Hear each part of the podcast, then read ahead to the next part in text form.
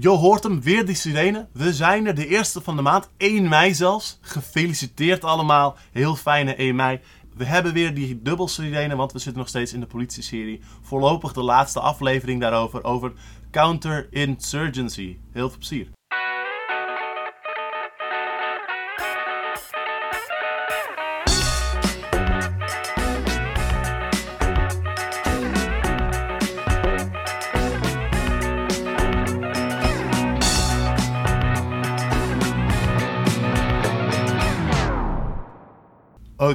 Daar zijn we dus met deel 4 van de politie-serie. Ik zit hier weer samen met Henk. Hallo. Ik ben natuurlijk Alex. Jullie hebben wel eens van mij gehoord. Uh, Henk komt je misschien ook bekend voor van de eerdere delen van deze serie. Als je die nog niet geluisterd hebt, uh, kun je teruggaan naar het begin van de serie om die te luisteren. Um, politie in het algemeen, wat is het, waar is het voor en, wat, uh, en waarvoor niet? Bijvoorbeeld om jou te helpen. deel 2, het ontstaan van politie traceert de, de, het oorsprong van politie terug naar drie tradities. Uh, deel 3 vorige maand de, over de arrestantengroep en hun ervaring met omgaan met politie. Uh, wat, wat politie doet, wat je, soort van je rechten zijn en hoeveel daar in de praktijk van overblijft. En nu sluiten we de serie voorlopig af over counterinsurgency. Er zijn natuurlijk heel veel thema's die we genoemd hebben, die er nog extra bij zouden kunnen. Maar voor nu, zo vier maanden achter elkaar, is het wel even goed. Als jij iemand bent die zegt van ik wil heel graag hierover spreken, of ik heb ideeën of tips of aanvullingen, mail mij. Uh, Alex.onderstroom.red. Ik wil het sowieso wel een keer hebben over dingen als überhaupt surveillance, over inlichtingendiensten, over uh, het gerechtssysteem of alternatieven voor politie. Allemaal dingen rond dat uh, vlak. Uh, maar voor nu sluiten we hem vandaag af over counterinsurgency met Henk. Henk, hallo. Hallo. Welkom, welkom terug. Leuk dat je er weer bent. Hoe gaat het? Ja, gaat goed. Uh, ik word altijd door Alex in een, uh, in een, uh, een gangkast gestopt. Als ik niet op de aflevering mag komen. Dus het is leuk om weer naar buiten te kunnen komen. We hebben heel goed voorbereid. counterinsurgency, counterinsurgency draait deels om het installeren van een soort van geheime gevangenissen. waar je kennis kunt onttrekken uit, uit insurgents. Dus vandaar. Um, Um, en daar, u, daar, plukt u de vruchten van. Um, ja, nee, we gaan het vandaag hebben over uh, counterinsurgency. En uh, ik denk dat het belangrijk is om, uh, voordat we er dieper op ingaan, te kijken waar gaan we het precies over hebben. We gaan het hebben over counterinsurgency specifiek als politiemodel, als, als het huidige model waarop politie georganiseerd wordt. Um, we gaan kijken naar de ontwikkelingen en strategieën van uh, politieinstituties. Um, van voordat counterinsurgency als uh, uh, doctrine ontwikkeld is. En hoe het zelf als doctrine ontwikkeld is. en daar voorbeelden van geven en door de tijd kijken hoe dat ja, eigenlijk eerst in de VS, maar ook later in andere plekken steeds meer de boventoon is gaan voeren. Want we begonnen dus zeg maar, met wat is politie in het algemeen, uitgaande van politie, wat we wel ongeveer kennen van, eh, van gewoon ja, alledaags en op straat en et cetera. Um, naar dus het ontstaan. En dan is heel praktisch naar een soort van meer, meer juridisch. En wat, wat, wat kun je doen of wat ga je op een demonstratie tegenkomen. En nu met counterinsurgency gaat het eigenlijk over ja, eigenlijk dat een, een bepaald ideeëngoed of een, een, een, een manier van doen rondom politie. Um, eigenlijk een soort, een soort ideaal of een soort beeld dat er vanuit zeg maar, politie en, en andere instituties is over hoe dat werk gedaan wordt, hoe het gedaan moet worden, wat de doelen daarvan zijn. Ja. Klopt dat ongeveer? Ja, en het, het, het, begint gelijk al heel fijn met de term counterinsurgency, die vrij verwarrend kan zijn. Um, want e-, eigenlijk, uh, uh, ik heb ook even voordat we dit uh, opnamen, of op Wikipedia, wat zegt Wikipedia eigenlijk bij counterinsurgency? en dan krijg je gewoon een, een vrij basic, een beetje flauwe definitie van counterinsurgency is het, uh, het counteren, het bestrijden van insurgency, van uh, opstanden. Heel, heel logisch. Um, maar het is belangrijk om te benoemen dat we in deze aflevering het niet uh, zozeer over alleen het, het bestrijden van opstanden gaan hebben, maar specifiek over het ontstaan van de counterinsurgency als doctrine. Misschien is dan even. Dus het idee, het idee is niet, zeg maar, counterinsurgency is niet wat de politie gaat doen als er echt een opstand is. Counterinsurgency is een naam voor hoe politiewerk nu is ingericht, soort van. Ja, ja eh, je, je kan het. eh, de ontwikkeling van, van die termen, zeg maar, hoe wij het gaan gebruiken, heel kort eh, doorlopen. We gaan hierna even wat, wat meer specifiek erop in. Maar counterinsurgency is gewoon een ding dat bestond. Het is gewoon een naam voor dingen die bestonden. Er zijn autoriteiten of staten en eh, daar zijn opstanden tegen. En de staat vecht daartegen. Daar maak je dan een naam voor. Dat is counterinsurgency. Mhm. Dus eh, elke keer als het gaat over een gewapende opstand of een eh, bijvoorbeeld de guerrilla-oorlog, eh mensen wel bekend zal voorkomen. ehm, het bestrijden daarvan, van de staat, is counterinsurgency. In, in de meest, de, de basic term. Dus zeg maar, denk aan Vietnam, aan de onafhankelijkheidsstrijd van eh, Indonesië, aan eigenlijk alle eh, koloniale onafhankelijkheidsstrijden. Allemaal van dat soort dingen zijn, zijn vaak eh, een gewapend conflict tussen een, een staatsactor en een opstandelingenleger, eh, ja, rebellen. En, en dat, dat is waar de term counterinsurgency voor gebruikt wordt. Nou, dat bestaat. En dat, is, dat bestaat al gewoon door de. Dat, zeg maar, dat is niet alleen de, laatste. Ja, het bestaat gewoon altijd staat natuurlijk. Is, of Ja, dus en, en daar wordt ook over geschreven. Dus zeg maar, er worden theorieën en concepten over geschreven. eh, over hoe dat te bestrijden vanuit de kant van de staat. Eh, opstandelingen schrijven ook vaak zelf dingen over hoe, hoe dat beter te doen. Ehm, maar die theorieën van de kant van de staat. eh, daar heb je heel veel verschillende versies van. En eh, het is allemaal heel interessant om daar naar te kijken. En daar gaan we het vandaag niet over hebben. Daarvan is er eigenlijk eh, eh, één versie of één soort van hoek daarvan is steeds prominenter geworden. Eh, en die theorie is vervolgens een soort van de norm gaan worden in het counterinsurgency. de, de manier hoe de VS counterinsurgency doet. Dat is vervolgens eigenlijk gewoon ge- gegoten in. algemeen politiewerk. Ja, Dus dat, dat die, die zeg maar, een, een bepaalde aanpak van hoe dit bepaalde soort van hoger intensiteits politie-militair-achtig conflict eh, wordt gedaan, een bepaalde invulling daarvan, een bepaald model, werd soort van opgepakt en over het hele spectrum van politie en leger dingen geplakt. Of Klopt. vooral politie.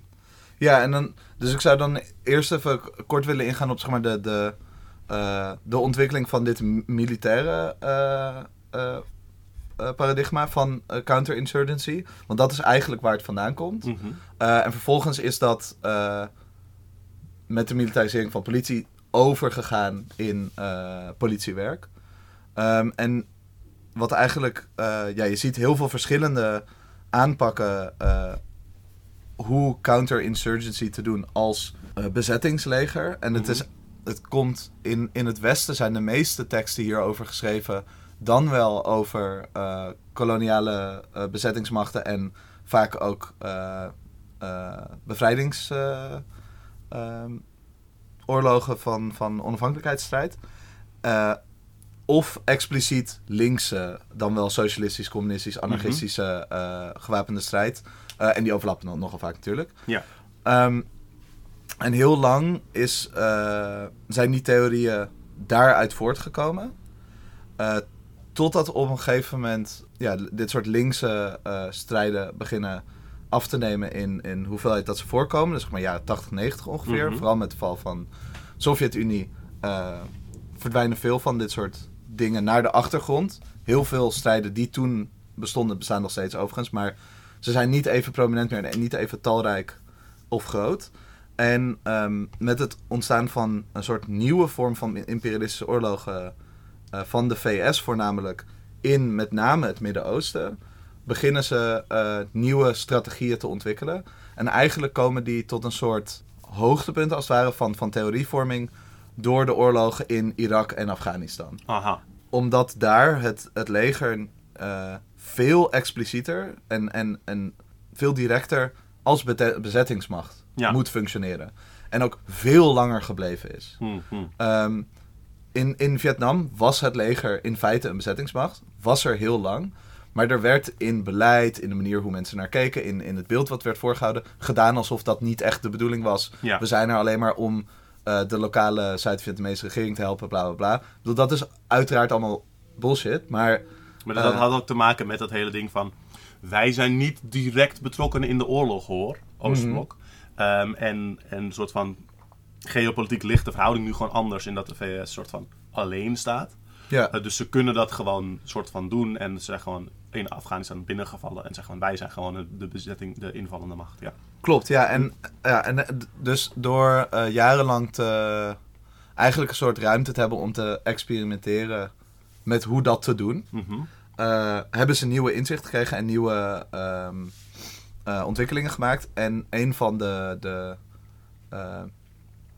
eh, soort van handboek, of let- letterlijk een handboek daarvan, eh, is geschreven door eh, David Petraeus. Dat is de, de, lang, heel lang de, de hoofdbevelhebber van de Amerikaanse troepen in Afghanistan geweest. Aha. En die heeft de, de Counter-Insurgency Field Manual geschreven voor het Amerikaanse leger. Oké. En ehm, daarin wordt eigenlijk de, de huidige manier van denken over wat counterinsurgency is neergezet, eh, gebaseerd vooral op die lessen. Dus het is gebaseerd op oudere lessen en dan eh, toegepast in Afghanistan en, en deels ook ervaringen uit Irak. Mhm. Ehm, en gecondenseerd in hoe moeten we eh, deze strijd voeren. Dit gaat allemaal nog over het leger en Ja. oorlogen in, ja, voor een soort, soort imperialistische oorlogen in, in dit geval het Midden-Oosten. Doordat de ehm, politie op, op het moment dat dit, dat dit boek uitkomt in eh, de, de, de jaren nul, de politie is dan, en dit is niet het enige boek hoor, maar dit is een soort van een soort kroonstuk van deze Ja, ja, ja. ontwikkeling en, en een heel vaak genoemd Het is ook niet alsof Petraeus een soort van genie is die deze traditie in het leven heeft. Hij heeft bepaalde stukken daarin van samengevat en deels geïnnoveerd, waarschijnlijk zoals dat altijd is met dat soort dingen. Maar dit was gewoon een, een soort boek dat overgenomen kon worden, deels. En, Ja, het is meer dat het boek super invloedrijk is dan dat het heel geniaal is of zo. mhm. Ehm, al zitten er wel veel eh, inzichten in die, die een soort van, niet per se nieuw, maar een soort van op een nieuwere manier worden toegepast. Maar ehm, dat, niet alleen dat boek, maar alle theorieën die zeg maar een beetje daar omheen hangen en een soortzelfde insteek in, eh, steek hebben. Die worden populair, zowel in eh, het Amerikaanse leger en daardoor ook steeds meer in eh, politiemachten in de VS. Omdat Hmm. die op dat moment al een paar decennia aan het militariseren zijn. Ja. En om kort terug te grijpen op de eerdere afleveringen. de politie eh, in zijn eerste ontstaansgeschiedenis is heel close aan het leger. Mhm. En worden gezien als best wel eh, eh, instanties die, die zeg maar soort van bijna twee takken van hetzelfde ding zijn. Maar dat een deel van het leger dat apart wordt gezet voor civiel taken. Precies. Ja. En dat groeit eigenlijk over de jaren wel verder uit elkaar. En vooral na de Tweede Oorlog zie je dat, dat er een paar decennia zijn waar, waar dat echt losser staat. Maar dat wordt dan weer teruggedraaid en die groeien steeds weer meer samen. Voornamelijk in de VS zie je dat. Mhm. Eh, maar je, je kan het tegenwoordig kan je het overal zien met de militarisering van politie, ja. inclusief hier in Nederland. En ehm, hierdoor nemen eh, politieinstanties deze eh, ideeën over. En dat, dat komt ook, zeg maar, er, er zijn ook zoveel soort van invloeden die hierbij natuurlijk verder mee samenhangen. Dat dit ook, zeg maar, dan een van de redenen dat ik het interessant vind om hier, hierover te hebben is, ehm, omdat het een bepaald soort, soort van ideologisch slash beleidsmatig eh, soort van niche is, dat heel veel andere dingen bij elkaar brengt. Dus als het gaat om inderdaad ehm, die militarisering, een soort van ideologie die hoort bij een militariserende politie. Maar ook ehm, dus dat past bij eh, de reactie op eh 9-11 en de Patriot Act, et cetera. Eh, en, en heel veel andere dingen die we later gaan zien over een soort van wereldwijd netwerk van eh, politiemachten die dingen uitwisselen met elkaar. En dus ook eh, eh, Afghanistan en Irak, et cetera. Ehm, ja, en, en wat je ziet is als dit populairder wordt, dan wordt eigenlijk het idee van counterinsurgency en deze specifieke vorm ervan, wordt eigenlijk een soort van doctrine in, in het leger van de VS, maar ook in de politie. En Wat is dat, de doctrine? Ja, dat is een vrij specifiek woord dat eh, in eh, militaire eh, cirkels veel gebruikt wordt. Ik, het, het kortste dat ik het kan uitleggen is... Het is een soort van de, de beleidsideologie van een, van een leger of van een politiemacht. Dus het zijn zeg maar de, de deels onuitgesproken, deels uitgesproken aannames en, en ideeën over hoe de wereld werkt en hoe, wat hun positie daarin is en wat ze horen te doen, waaruit al het beleid voortvloeit. En een, bijvoorbeeld een, een, een, een voorbeeld daarvan, eh, wat misschien voor mensen iets meer in belletje zal rinkelen, is dat de, de VS, het leger van de VS, heeft als een van hun doctrines dat ze altijd uh, air power superiority willen hebben. Ze willen altijd uh, drone strikes kunnen inroepen of, of vliegtuigen of helikopters of bla bla.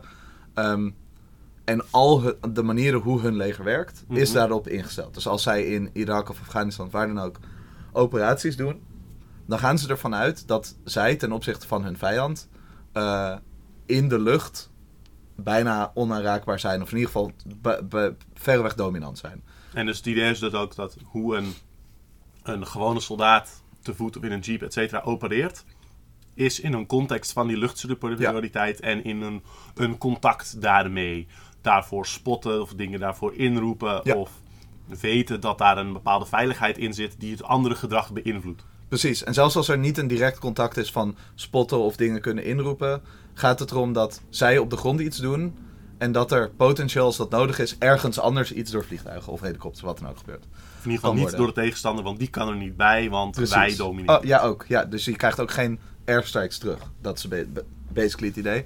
Um, uh, mocht dat ooit omgedraaid worden en de VS wel tegen een, een leger waar dat, uh, die een sterkere of een even sterke luchtmacht heeft, dan zie je dat dat gelijk uit elkaar valt. En, en dat is een beetje hoe doctrines werken. Zeg maar. het is, uh, je baseert al je beleid erop. Dus als er iets niet meer klopt, dan lo lopen dingen vaak spaak.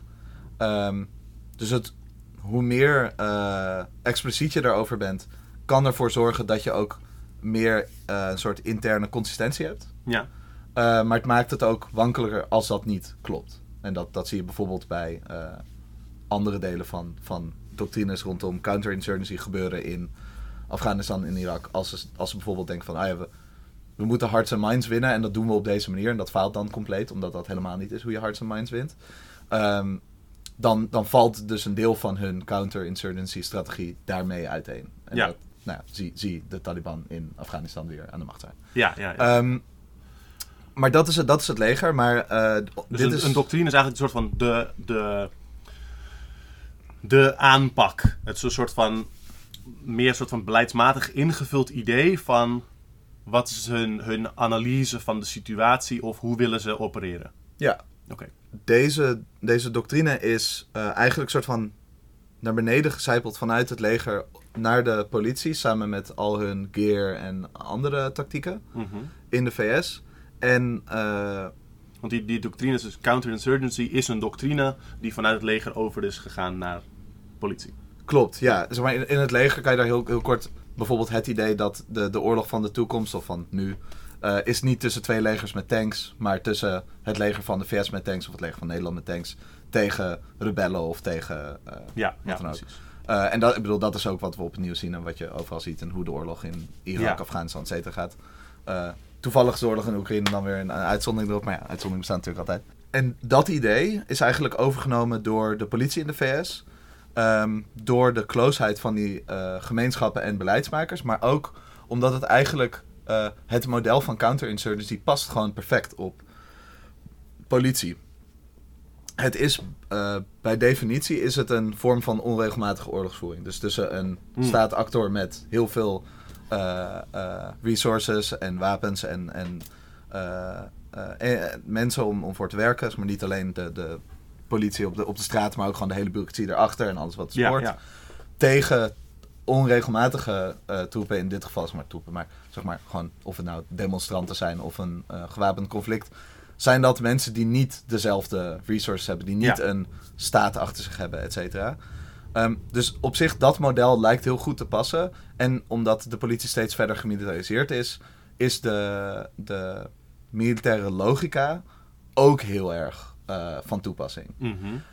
Als je kijkt hoe dat gevormd is, dan kan je daar een vrij uh, beknopte samenvatting voor geven. Want omdat counterinsurgency als ding gaat om de strijd Ja. eh, tegen insurgency. Maar als doctrine eh, en als een soort ideologie is het eigenlijk de manier hoe mensen kijken naar conflict. En dus in dit geval hoe politie kijkt naar eh, sociaal conflict en naar de maatschappij in die zin. Aha. En wat ze, wat ze eigenlijk doen, is zij hun, hun een onderliggende aanname, of waar, waar, het, waar, het, waar het mee begint, is dat de, de nulfase, dus zeg maar de, de, de normaal, is niet dat er geen conflict is, er is vrede. En dat wordt gebroken doordat er een opstand is of doordat er rellen zijn, wat dan ook. Mhm. Ehm, er is al conflict. Het sociale conflict bestaat al. Ook al zijn er geen rellen of is er nog geen, geen ehm, breuk met orde. En daardoor is, eh, als er iets gebeurt als een, een rel, Ja. eh, is dat niet een, een breuk met die vrede, maar het is een uiting van dat lopende conflict. Oké. Het idee wat hier, wat hier uit voorkomt in de ogen van, eh, van politie, en, maar dus ook in het leger waar het, waar het bestaat, is dit legitimeert eh, het gebruik van geweld vanuit de autoriteiten. Eh, met een bepaalde visie dat als zij het niet doen, dan gaat, gaat de andere kant dat geweld gebruiken. Aha. En, en de manier van kijken is dus ook dat het niet... Geweld wordt niet gematcht. Het was niet zo van, oh, er zijn rellen, we gaan nu dit inzetten. Elk kleine beetje, zeg maar, breuk met orde... wo- wordt gelijk overpowered met...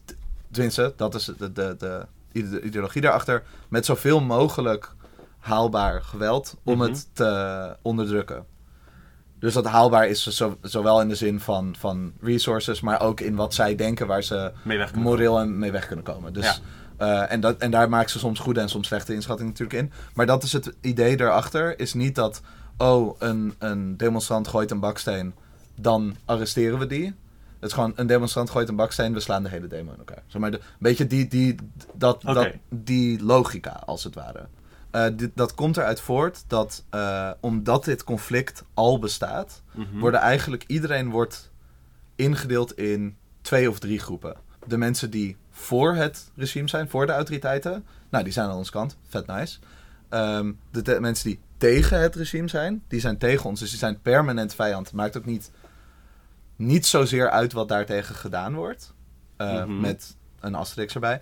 Eh, en een soort neutrale middengroep. En daarvan kan, kunnen hearts en minds gewonnen, wo- gewonnen worden. Of moeten in ieder geval niet eh, kwijtgeraakt worden aan de Ja. opstandelingen.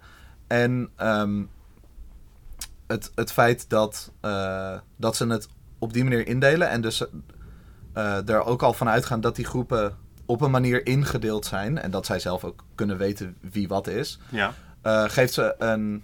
Dus heb je, heb je een beetje zeg maar, de, de carrot en de stick methodes krijg je dan. Dus je krijgt, wat ik zei, hele harde repressie van mensen die aan de kant van de, de opstandelingen staan. En mensen die, die in opstand komen of die Mhm. wat dan ook doen. Eh, aan, aan de andere kant, mensen die naar hun kant toe neigen. Een soort community policing, cooptatiepogingen. Eh en f- dit, dit is zeg maar het, het onderliggende ideologie. Dus hoe het er daadwerkelijk uit komt te zien, verschilt heel erg veel per eh politiemacht over de wereld. Omdat je natuurlijk totaal andere context hebt. Eh, dus deze ideologie bestaat zowel in Nederland als in de VS. Mhm. Eh, maar je, je zult zien dat in de VS vaak grotere vormen van repressie worden ingezet. Grootschaliger althans. Mhm. Eh, en ook eh, veel vaker dan in Nederland. Al wordt het steeds meer normaal om dat in Nederland ook te doen. Ja. Eh, Zoals je ook ziet, zeg maar, qua, qua dat er in Nederland ook een Bearcat ergens staat die gebruikt kan worden voor dingen. En allerlei andere takken van militarisering komen hier wel voor, in ieder geval aan de kant van de kazerne. Maar je ziet het minder nog Ja, uitgevoerd worden. ja, er zijn natuurlijk ook minder opstanden en grote acties. En Bijvoorbeeld met die acties van, van XR kan je het gewoon heel duidelijk zien dat er gewoon. Oh, oh, Nederland heeft niet genoeg waterkanonnen, nou, dan halen ze uit Duitsland. Ja. Dus het, het- dezelfde logica is er, maar de, de, ja, de context is anders. En wat ook heel duidelijk te zien is dat in Nederland is er veel meer, historisch veel meer ervaring met het ontwikkelen van een heel geraffineerd eh, beleid van cooptatie. Mhm. En daar heel erg effectief beweging mee ondermijnen. Ja. Dat zie je in de VS minder. Eh, al gebeurt het daar ook. Ja, ja. Maar in Nederland is dat echt op, op een veel, tot een veel hoger niveau getild. En eh, daarom lijkt het misschien alsof die dingen heel verschillend zijn. Maar die komen uit diezelfde ideologie voort eigenlijk. Ja. Eh, En counterinsurgency, zoals je het uitlegt, het klinkt ook heel, heel bruut. Het gaat over een soort van overweldigende kracht gebruiken tegen eh, iets dat met zeg maar, de, de, de status quo situatie breekt. Omdat je het ziet als een soort symptoom of iets dat voortkomt uit een lopende strijd in plaats van een soort van eerste overtreding of zo. ja. Maar het heeft dus wel dat, dat brede spectrum dat het ook ehm, heel erg een soort van de ondermijning voor steun in het lopende conflict is. We gaan ervan uit dat er een lopend conflict is en mensen kunnen daarin terechtkomen. En er wordt wel een soort van proactief wordt, soort van gepoogd om te voorkomen dat mensen in een eh, soort van insurgent-achtig kamp terechtkomen. ja. Eh, heel een soort van proactief sociaal organiserend. Ja, en we, we gebruiken nu de hele tijd de term insurgent, omdat de term counterinsurgency is. Maar het is dus belangrijk om binnen de context van eh, politie dus door te hebben dat het woord insurgent is dus van toepassing op demonstranten. En op mensen Ja. die acties organiseren, of demo's, of Ja, ja. benefietfeesten. Zeg maar, de, Het in Nederland is het een beetje, beetje vaag, maar je hebt wel een zo'n vaag soort van, soort van guerrilla-strijderachtig idee, omdat het ook uit dat militaire komt. Ja. Ehm, maar voor politie is de, op, de opvatting natuurlijk dus ook anders, omdat het, het gaat om mensen die inderdaad een actie doen of zo. Ja. Ja. Als je historisch kijkt waar dit ontwikkeld is op het niveau van de politie. Ik heb het nu voornamelijk gehad over waar de militaire kant vandaan komt. Want dat is eigenlijk waar het ideeëngoed vandaan komt. Maar in de praktijk, als je kijkt naar de geschiedenis van politie, is dat eh, heel lang na de Tweede Wereldoorlog er een beleid is geweest eh, bij eh, rellen en, en eh, ordehandhaving en, en eh, ordeverstoring en zo was een van de dominante approaches, was, heette de Levels of Escalating Violence uit de VS. Maar dit is een ding dat in, in veel andere landen ook werd toegepast. En dat het idee daarachter was dat het nulpunt wel vrede was en dat er een breuk met die vrede is. Ja. Eh, dus er, er is sociale vrede, er is gewoon eh, geen conflict. Dan is er wel conflict, want er is een rel of een opstootje of een, Ja. eh, een, een te soort van rowdy demo. Wat, Dus eigenlijk een vrediger beeld van de samenleving is gewoon de samenleving en af en toe barst er een vulkaan of zo. Ja, een beetje be- meer, meer in die hoek inderdaad. Wat, wat, wat ze bedoelden met die levels of escalating violence is dat de, eh, het beleid, maar het idee daarachter was, eh, elke keer als de demonstranten of de, de, de railschoppers, wat dan ook, eh, één stap verder gaan in hun geweld, gaan wij ook, dan gaan wij precies één level daarboven zitten. Om een, een soort van ehm, afschrikbeleid. Van we, we hebben dan de bovenhand, wij kunnen meer geweld inzetten dan zij. En wij kiezen ervoor om dat net meer te doen dan zij. Eh, en we, eh, het, grappig genoeg, was het idee, dan escaleren we het niet. Behalve dat dit beleid natuurlijk precies wel dat gevolg had. Want als Mhm. een demonstratie iets, als er iets gebeurt op een demonstratie, meestal niet een heel soort van bewuste top-down keuze is, Nee. omdat demonstraties niet zo werken. En de politie reageert met meer geweld, worden vaak mensen boos of wat dan ook. En dan krijg je een soort van heen en weer, soort een mini eh, Wapenwetloop. wapenwetloopje inderdaad. Maar dit was toen het idee en dat kwam voort uit dat eh, concept dat er een soort sociale vrede bestond. Of Ja. tenminste dat. En er was een veel minder uitgesproken idee ook. Er werd minder eh, over gereflecteerd toen over of ze nou vonden dat er sociale vrede was of niet. Eh, en tegenwoordig wordt er veel meer gereflecteerd op dat hogere niveau van dat de doctrine achter het beleid. Ja. Ehm, En, maar er zit dan ook een, een ding misschien in van... ehm, want je, je hebt een bepaalde bewustheid van wanneer kunnen we ermee wegkomen om veel geweld te gebruiken, et cetera. ja, En die vorige stijl was in een bepaalde zin was hij spaarzaam. Van, we gaan niet meteen helemaal over de top, maar we gaan het een beetje, beetje matchen, maar wel de dominante kant van de match altijd houden. Klopt. Ehm, en, en daarmee is dit, dit is counterinsurgency, heeft dus een bepaalde kant van een breuk daaraan. Dus enerzijds dat je niet die aanname hebt van er is gewoon vrede, maar er is, er is een lopend conflict, daar komen dingen uit voort. Dus het is niet spontaan een, een, een vulkaanuitbarsting, maar je gaat kijken wat zit er dan onder qua lavastromen en wat doen we daar Ja. tegen.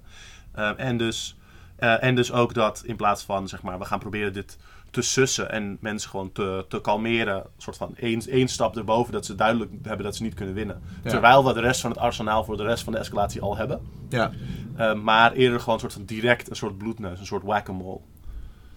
Ja, en ik bedoel, het is natuurlijk belangrijk om te zeggen dat de, de carrot and sticks ook zo oud als, eh, als mensen zijn. Dus zeg maar, vormen van eh, eh, cooptatie, tactisch inzet had je toen natuurlijk ook. En, Mhm. en eh, eh, de minder radicale delen van bewegingen eh, iets bieden dat je de radicale niet biedt, et cetera. Maar Ja. dat is, dat is natuurlijk heel uit, maar het, gaat meer om de gedachtegang die erachter zit. En, en hoe dat ook vorm, zo, hoe die gedachte die erachter zit, uiteindelijk invloed heeft op de uitoefening ervan. Oké. En, ik, en, en waar je het heel goed kan zien is de, eh, een van de vroegere hele beruchte voorbeelden van counterinsurgency in binnenlands beleid is als de eh, politie en FBI en zo counterinsurgency van, voornamelijk vanuit het programma COINTELPRO, Ja. de Counterintelligence Program, Ja. eh, gebruiken tegen de Black Panthers. Dus Ja. dat is weer in de VS. En de Black Panthers zelf hadden al, eh, in, als deel van hun analyse, noemden zij de zwarte gemeenschap in de VS de internal colony Ja. van de VS. Het, is zeg maar, het, het is eigenlijk een eh, soort van imperial land, maar het heeft een interne kolonie van eigen eh, citizens. En je, je ziet ook, waar we vorige keer over hadden, maar die, die colonial boomerang, dat hit hun natuurlijk het eerste, de Ja. zwarte gemeenschap. Want zij zijn eigenlijk in de ogen van de machthebber ook een soort semi-koloniale eh, eh, groep. Zo, zo zal de machthebber er niet over praten, maar Mhm. dat is wel wat er gebeurt, hoe je, hoe je dat kan herkennen. Ja. Ehm, en daar wordt dus counterinsurgency gebruikt. Mhm. Ehm, en dat krijgt zowel de vorm van eh, cooptatie naar minder radicale eh, groepen, al werd dat heel spaarzaam ingezet, als eh, heel gewelddadig onderdrukken van, van die groep. En daarin zit, zit dus de logica van: het maakt niet uit op welk level van geweld de Black Panthers zitten, of ehm, het is waar kunnen we mee wegkomen. Dus er zit, er, het, er zit ook een veel meer morele vrijbrief in. Mhm. Dus er zijn, er zijn eh, wat, wat vrij be- bekend is, zeg maar, ehm, gewoon gewapende aanvallen op kantoren van Black Panthers, waar allemaal mensen doodgeschoten worden en eh, eh, allemaal verschrikkelijke dingen gebeuren. Ehm, wat ze ook doen, is mensen entrappen, zeg maar mensen... in de val lokken van Ja. overtredingen die ze anders niet gepleegd zouden hebben. Of die Precies, ja. bijvoorbeeld ook iemand, iemand een, een schoolvoorbeeld van entrapment is ehm, heel gejaagd achter iemand aanrijden met een politieauto, het niet voortaan duidelijk te zien is dat het Mhm. een politieauto is. En dan wanneer ze dan dus over de snelheidslimiet heen gaan, omdat ze bang zijn voor je, ze dan aanhouden en beboeten om te snel Ja. rijden. Dat soort dingen. eh, ehm, mensen worden gewoon eh, daadwerkelijk ge- geframed. Eh, eh, er zijn, zijn rechtszaken waar, waar totaal geen enkel bewijs is, maar mensen gewoon wel voor een, het grootste deel van hun leven of de rest van hun leven de gevangenis in verdwijnen. Allemaal van dit soort dingen. Eh, dit drijft natuurlijk andere mensen bij de Black Panthers weer naar een soort van idee van: oh shit, misschien moeten wij wel radicalere dingen doen. Dus probeer ook binnen de Black Panthers allemaal van die Mhm. weggen te drijven en zo. Dus op die manier wordt, wordt dat idee van, van counterinsurgency volledig toegepast op wat eigenlijk gewoon een binnenlandse eh, politieke beweging is. Mhm. Met eigenlijk voornamelijk zeg maar onderwijsprogramma's voor kinderen die arm Ja, zijn ja, en et cetera. Ehm, omdat het als politieke vijand gezien wordt die heel eh, gevaarlijk is. Dat wat ze daar hebben gedaan, zie je dat steeds meer de norm wordt. Al kunnen ze met dat niveau aan geweld, kunnen ze niet altijd wegkomen uiteraard. Dus, dus zeg maar dat, dat spectacu- spectaculaire geweld van Mhm. gewoon echt tientallen mensen gewoon executeren in, in broad daylight op straat. Kunnen ze niet zomaar met random eh, politieke bewegingen doen. Maar de, de ideologie die erachter zit, de logica die erachter zit, blijft voortleven. En die krijgt steeds meer grip op de manier hoe politie kijkt naar hun operaties. En, en naar opstandelingen en dan da- daarmee voornamelijk linkse eh, bewegingen of progressieve bewegingen die zeg maar, de, de Ja, ja. samenleving willen veranderen. Heel soms ook extreemrechtsbewegingen, maar meestal niet. Ik kom meestal af de hoek. Ja, ja, ja. Ehm, is die, eh, die film eh, Black Klansman wordt heel erg gedaan alsof dat soort van met gelijke munt wordt gedaan. ja, ja, Compleet bespottelijk. ja. En dit is dus dit is een, een. De Black Panther Party wordt in de jaren zeventig op deze manier zeg maar, kapot gemaakt.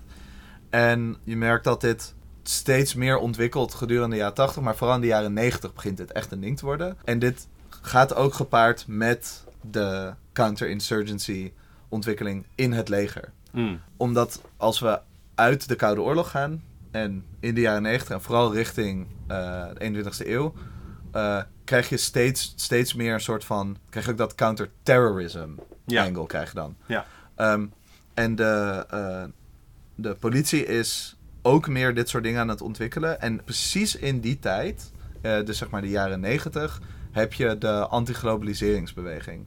Hele goede aflevering lees van uh, Hollanditis gaat daarover. Ik Gaan wou we zeggen, absolu- ja. absoluut luisteren. Is voor, voor ons in, eh, in, in zeg maar, deze tijd dat we leven een heel belangrijke geschiedenis om een beetje van op de hoogte te zijn.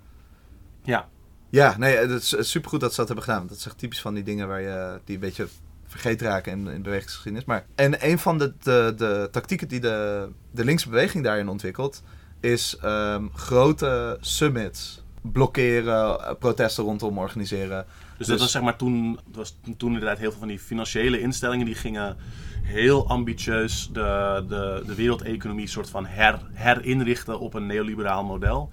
Eh, en dat gebeurde vaak op grote, eh, prestigieuze vergaderingen met afgezanten van de twintig rijkste landen of de Ja. rijkste acht landen, zoiets. Ehm, en dus die vergaderingen verstoren, blokkeren, uit elkaar eh, houden. eh, dat was die, die soort van summit-acties vaak, ja. Ja, dus dan ja, denk inderdaad G8, G20, de IMF, de, de WTO. de WTO. Over de WTO in, ehm, volgens mij is het 99. Er zijn heel veel vette documentaires en films gemaakt. Ook zeker checken, heel coole, coole actie. Maar dat wordt steeds meer een, een, eh, middel in de handen van, van activisten en van linksbewegingen. Omdat het een, het is een groot moment. Dus je kan er naartoe bouwen. En het is een, eigenlijk een soort wereldwijd moment. Dat Mhm. ook een soort lokaal fysiek punt heeft. Dus je kan veel mensen uit verschillende plekken daarheen halen. Dan kunnen wij onze krachten bundelen van linksbewegingen als het ware. Om daar een ding te doen. Symbolisch ding, maar ook het daadwerkelijk fysiek blokkeren. En van het de wereld kijkt, dus ze moeten je zien. Precies. Ehm, er zijn ook inmiddels heel veel kritiek geschreven op het idee van summit hoppen. Duidelijk eh, ook aan te raden, want het is ook niet de BL-ental tactiek. Maar dat was in ieder geval, in die tijd was dat een belangrijke tactiek. En ehm, wa- wa- waar, waar ik denk dat het een, een invloed heeft gehad op de ontwikkeling van de eh, politietactiek om daarmee om te gaan, is dat zij, zij hadden net als dat wij als linksbeweging hadden zij één moment met hele grote schaal van eh, protest. Ja. En eh, daar, daar, daar moet dus een grote politiemacht ingezet worden vanuit de, de logica van de staat. Om dat ordelijk te laten verlopen of helemaal in elkaar te staan. Ieder way, Ja, dat is ja, voor hun een beetje hetzelfde. En daar krijgen ze dus steeds meer ervaring met grote schaal operaties. Steeds meer escalatie van geweld waarmee ze ook makkelijker weg lijken te komen. En ook meer ondermijnende operaties. Zeg maar infiltratie van groepen. Ook iets wat dat trouwens niet genoemd bij de Black Panthers, maar eh, totale infiltreren van dat soort groepen. Mhm, mhm. Dat gebeurde bij de Black Panthers ook heel veel. En dat, dat is zeg maar iets dat. Dit vind ik misschien moeilijk te plaatsen in een soort van huidige, huidige context of zo. Omdat we het gevoel hebben dat zoveel mensen een soort van benaderd worden om infiltrant te worden in Nederland. Dat is zoveel, maar je hoort het. Informant. Informant, informant inderdaad. En een infiltrant is nog iets anders natuurlijk. Ja. Dat is echt dat eh, iemand die betaald wordt door de eh, inlichtingendienst bij je groep gaat en daar Ja. allerlei shit gaat doen. Ehm, en dat is eh, bijvoorbeeld niet, dat wordt niet zo goed gevonden voor het democratisch proces van groepen die zichzelf mogen organiseren om politiek te participeren. En als je daar op die manier mee omgaat, dat, Mm. dat gaat best wel in tegen bepaalde soort van eh, het idee van je recht als burger. Ja, ja, ja. Eh, dus dat is Ehm, best wel heftig. Dus politiemachten krijgen meer oefening met het inzetten van die nieuwe, zeg maar, heftigere tactieken en eh, methodes. En precies terwijl dit aan het ontwikkelen is, zeg maar eigenlijk, ik denk dat je wel zou kunnen zeggen dat het misschien wel het hoogtepunt is van de antiglobaliseringsbeweging, gebeurt 9-11. D- dit verandert gewoon in één dag alles van hoe deze shit werkt, maar voornamelijk eh, waarmee staten weg kunnen komen binnen counterinsurgency of counterterrorism dingen. En echt van de ene op de andere dag gaan er allemaal wetten die een paar jaar daarvoor echt als Ja. onmogelijk gezien werden, worden gewoon... Tegen de rechten van eh, Ja. burgers, privacyrechten, Ja, et cetera. Schending van iemands lichamelijke integriteit. Allemaal van dat soort dingen. Die gaan er gewoon allemaal doorheen. Heel bekend is dan zeg maar de Patriot Act uit de VS. Maar er zijn meerdere wetten in verschillende landen, et cetera. ja, Met eh, inderdaad die, de, de aanslag van, eh, van 11 september, die, die vliegtuigen. Eh, dat heeft zo'n zo'n enorme backlash. Ik vind zelf altijd zeg van. Ik wil altijd als mensen het hebben over 9-11, dan wil ik het altijd hebben over de, de moord op president Allende uit Chili met hulp van de CIA.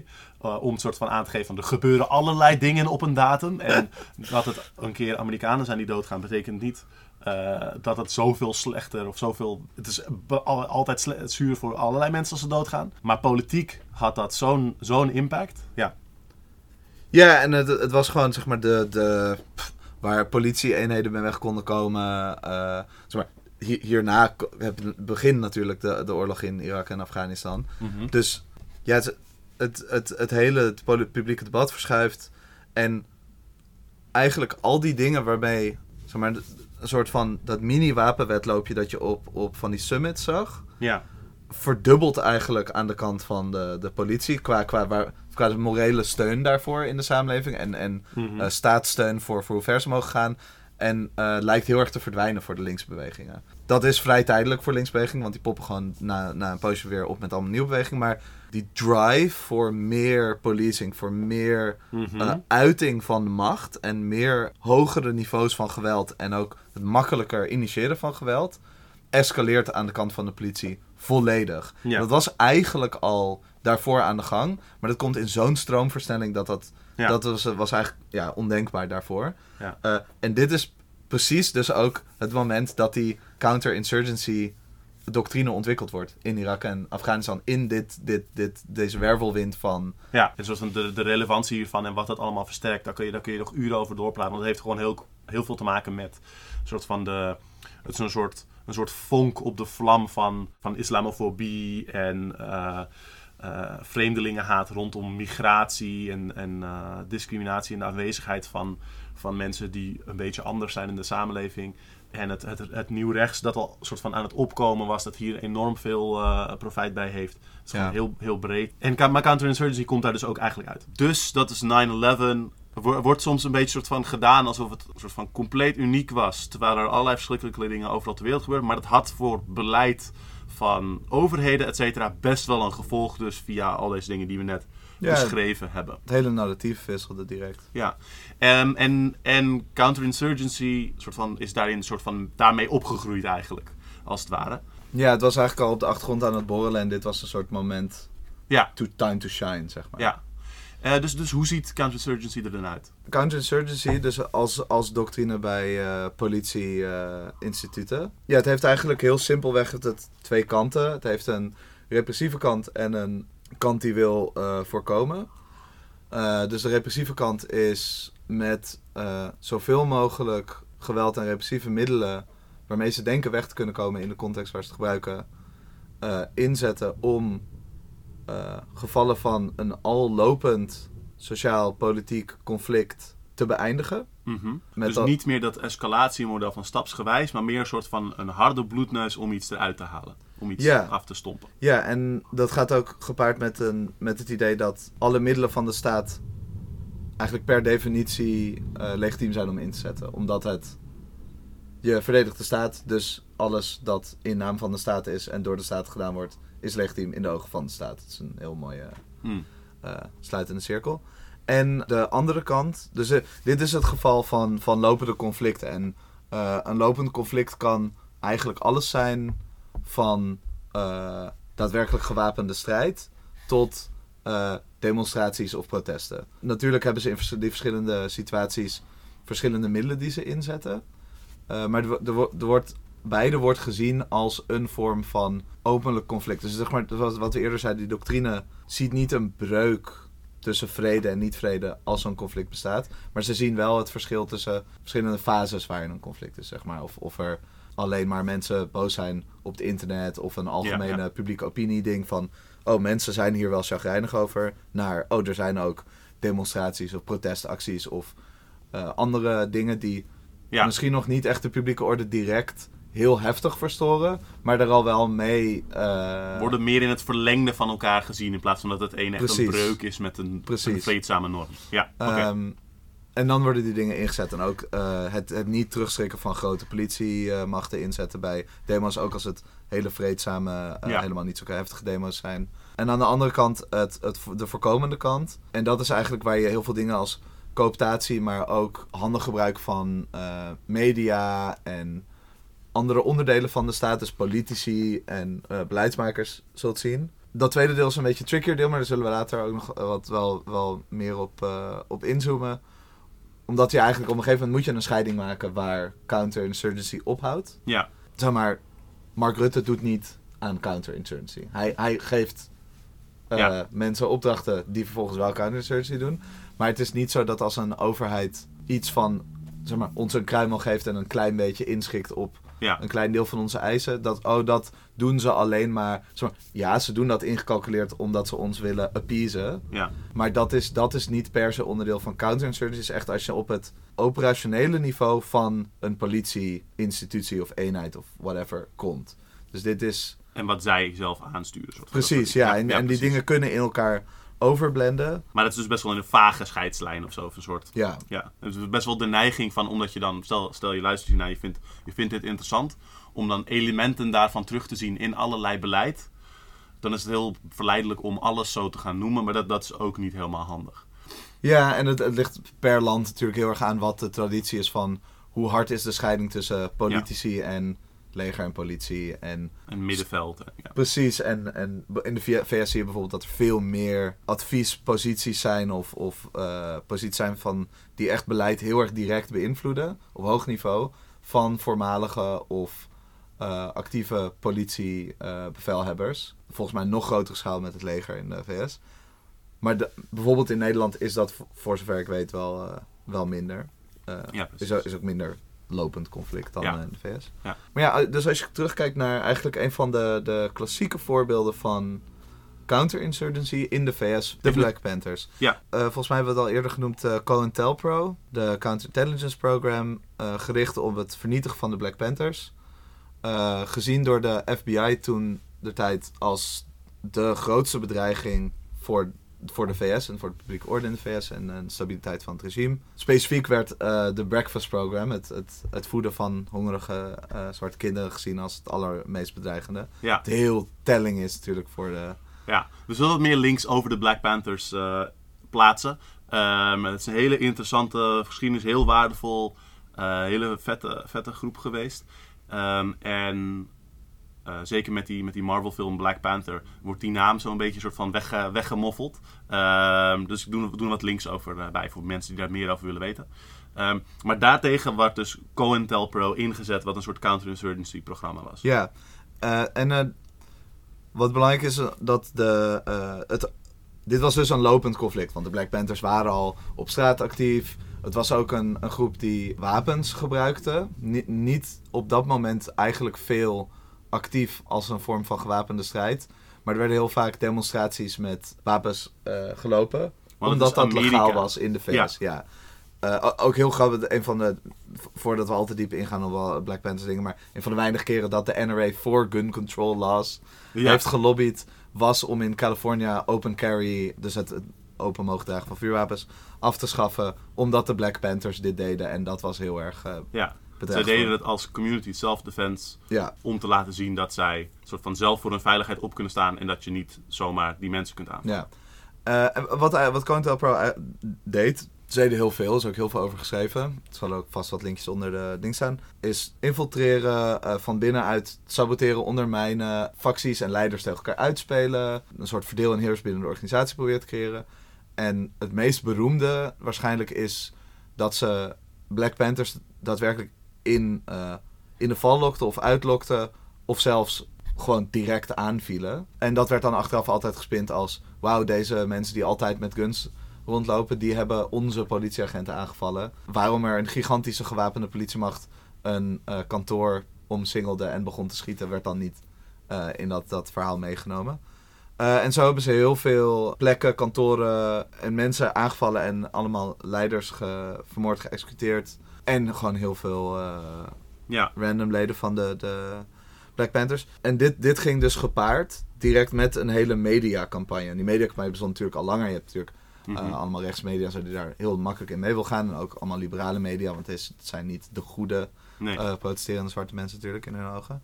Maar je, je ziet zo de schaal van geweld die je daarin ziet Mhm. is, is heel heftig en, en was is eigenlijk toongevend voor dat idee achter counterinsurgency van dit is een ding en we moeten het met, met eh, eh, wortel en al Ja. uitroeien. Dus het moet gewoon compleet doodgemaakt worden in deze letterlijk hier in Ja. dit geval. maar ja, de reden is natuurlijk dat ze met zo'n groot vorm van geweld konden wegkomen in de VS. Stel dat het gaat over zwarte mensen die, voor, Mhm. die tegen racisme vechten en die specifiek ook nog links zijn, et cetera. Dus, het is- daar konden ze met meer wegkomen. Ja, en dat kunnen ze natuurlijk niet altijd doen.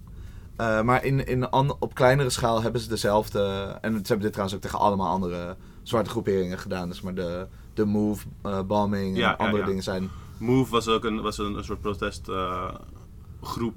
Ehm, en daar hebben ze, is gewoon het, het, het gebouw waar zij organiseerden, is gewoon gebombardeerd met een vliegtuig of met een aanvalshelikopter of zoiets. Ja, ja maar, maar de hele wijk is geflattend.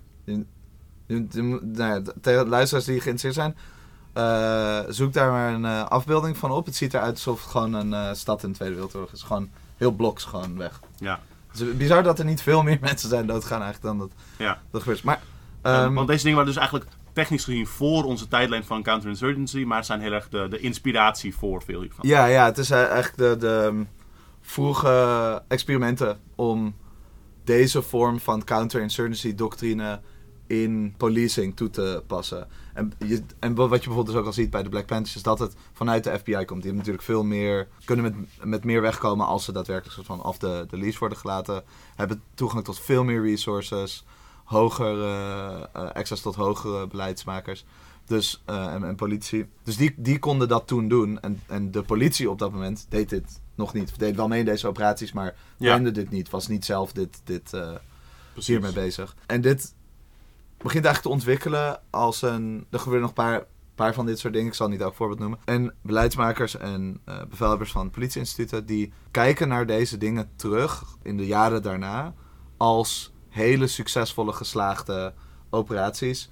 Want bijvoorbeeld de Black Panthers zijn hier ook volledig mee gecrushed. Ja. Eh, dat, ik bedoel, bijna alle mensen in leidinggevende posities zijn vermoord of in de gevangenis gezet. Of moesten het land ontvluchten in een paar jaar tijd. Mhm. En vervolgens hebben ze eh, de hele crack-epidemie over de zwarte gemeenschap heen gegooid. Voor good measure, om te zorgen dat er ook niks meer uit terugkomt. En dat heeft, dat heeft gewoon decennia, eh, tot, Ja. tot nu eigenlijk, eh, gigantische schade ge- geleverd. Maar ik zal dat, ook een link doen naar een Behind the Bastards reeks over het creëren van de crack-epidemie in, in de VS. Ja, super interessante, bizarre, bizarre shit. Ehm, maar als, je de, als de tijd eh, voortgaat, krijg je, eh, waar we ook eerder over hadden, in de jaren 90 komt de anti-globaliseringsbeweging op. Of de anders-globaliseringsbeweging.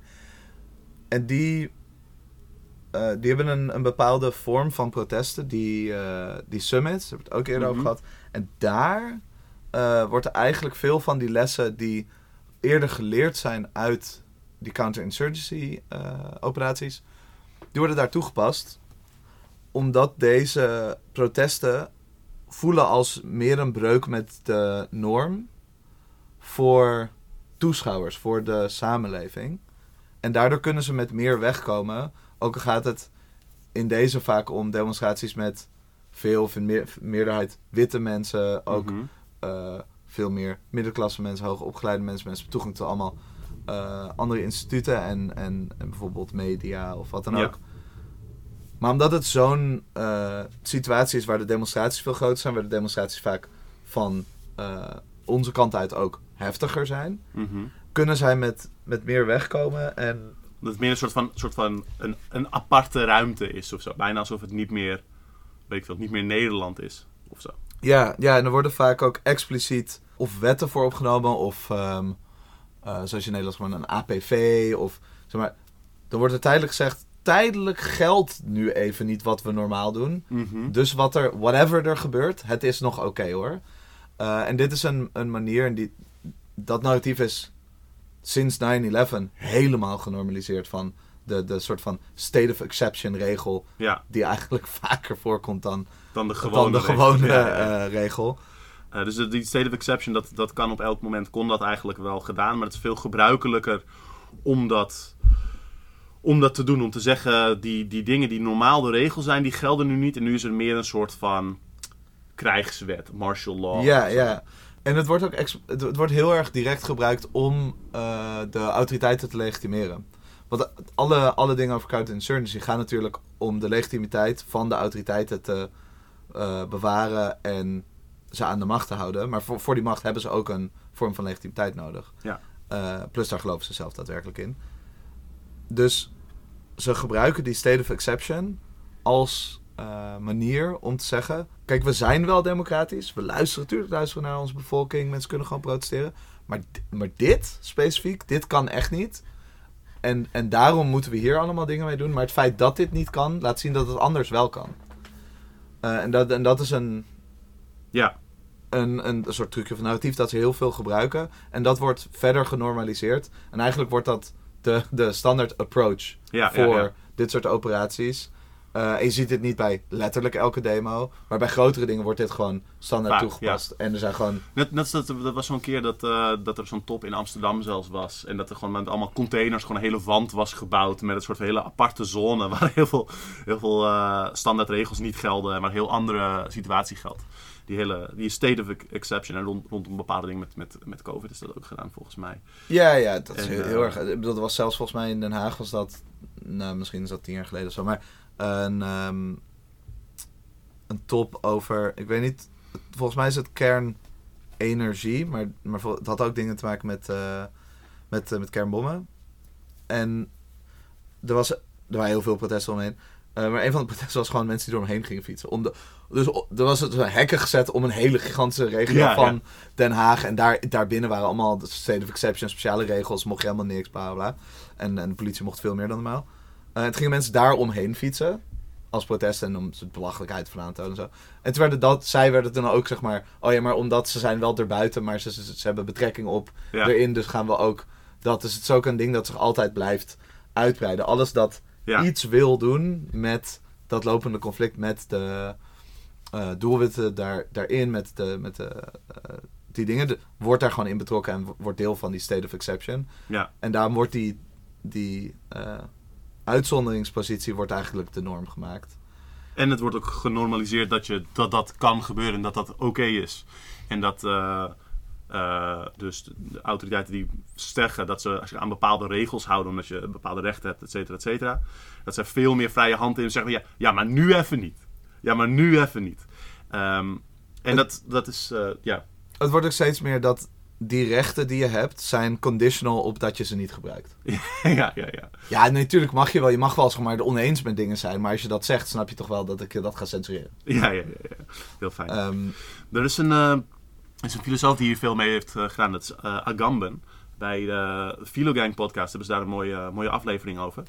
Ehm, maar dat, en dat gaat ook heel erg over die, die state of exception. En ik, ik vind dat interessant omdat er is zo'n... Er is een, een ding mee, zeg maar, ik heb, ik heb, eh, ik heb niet veel, veel Agamben gelezen of zo.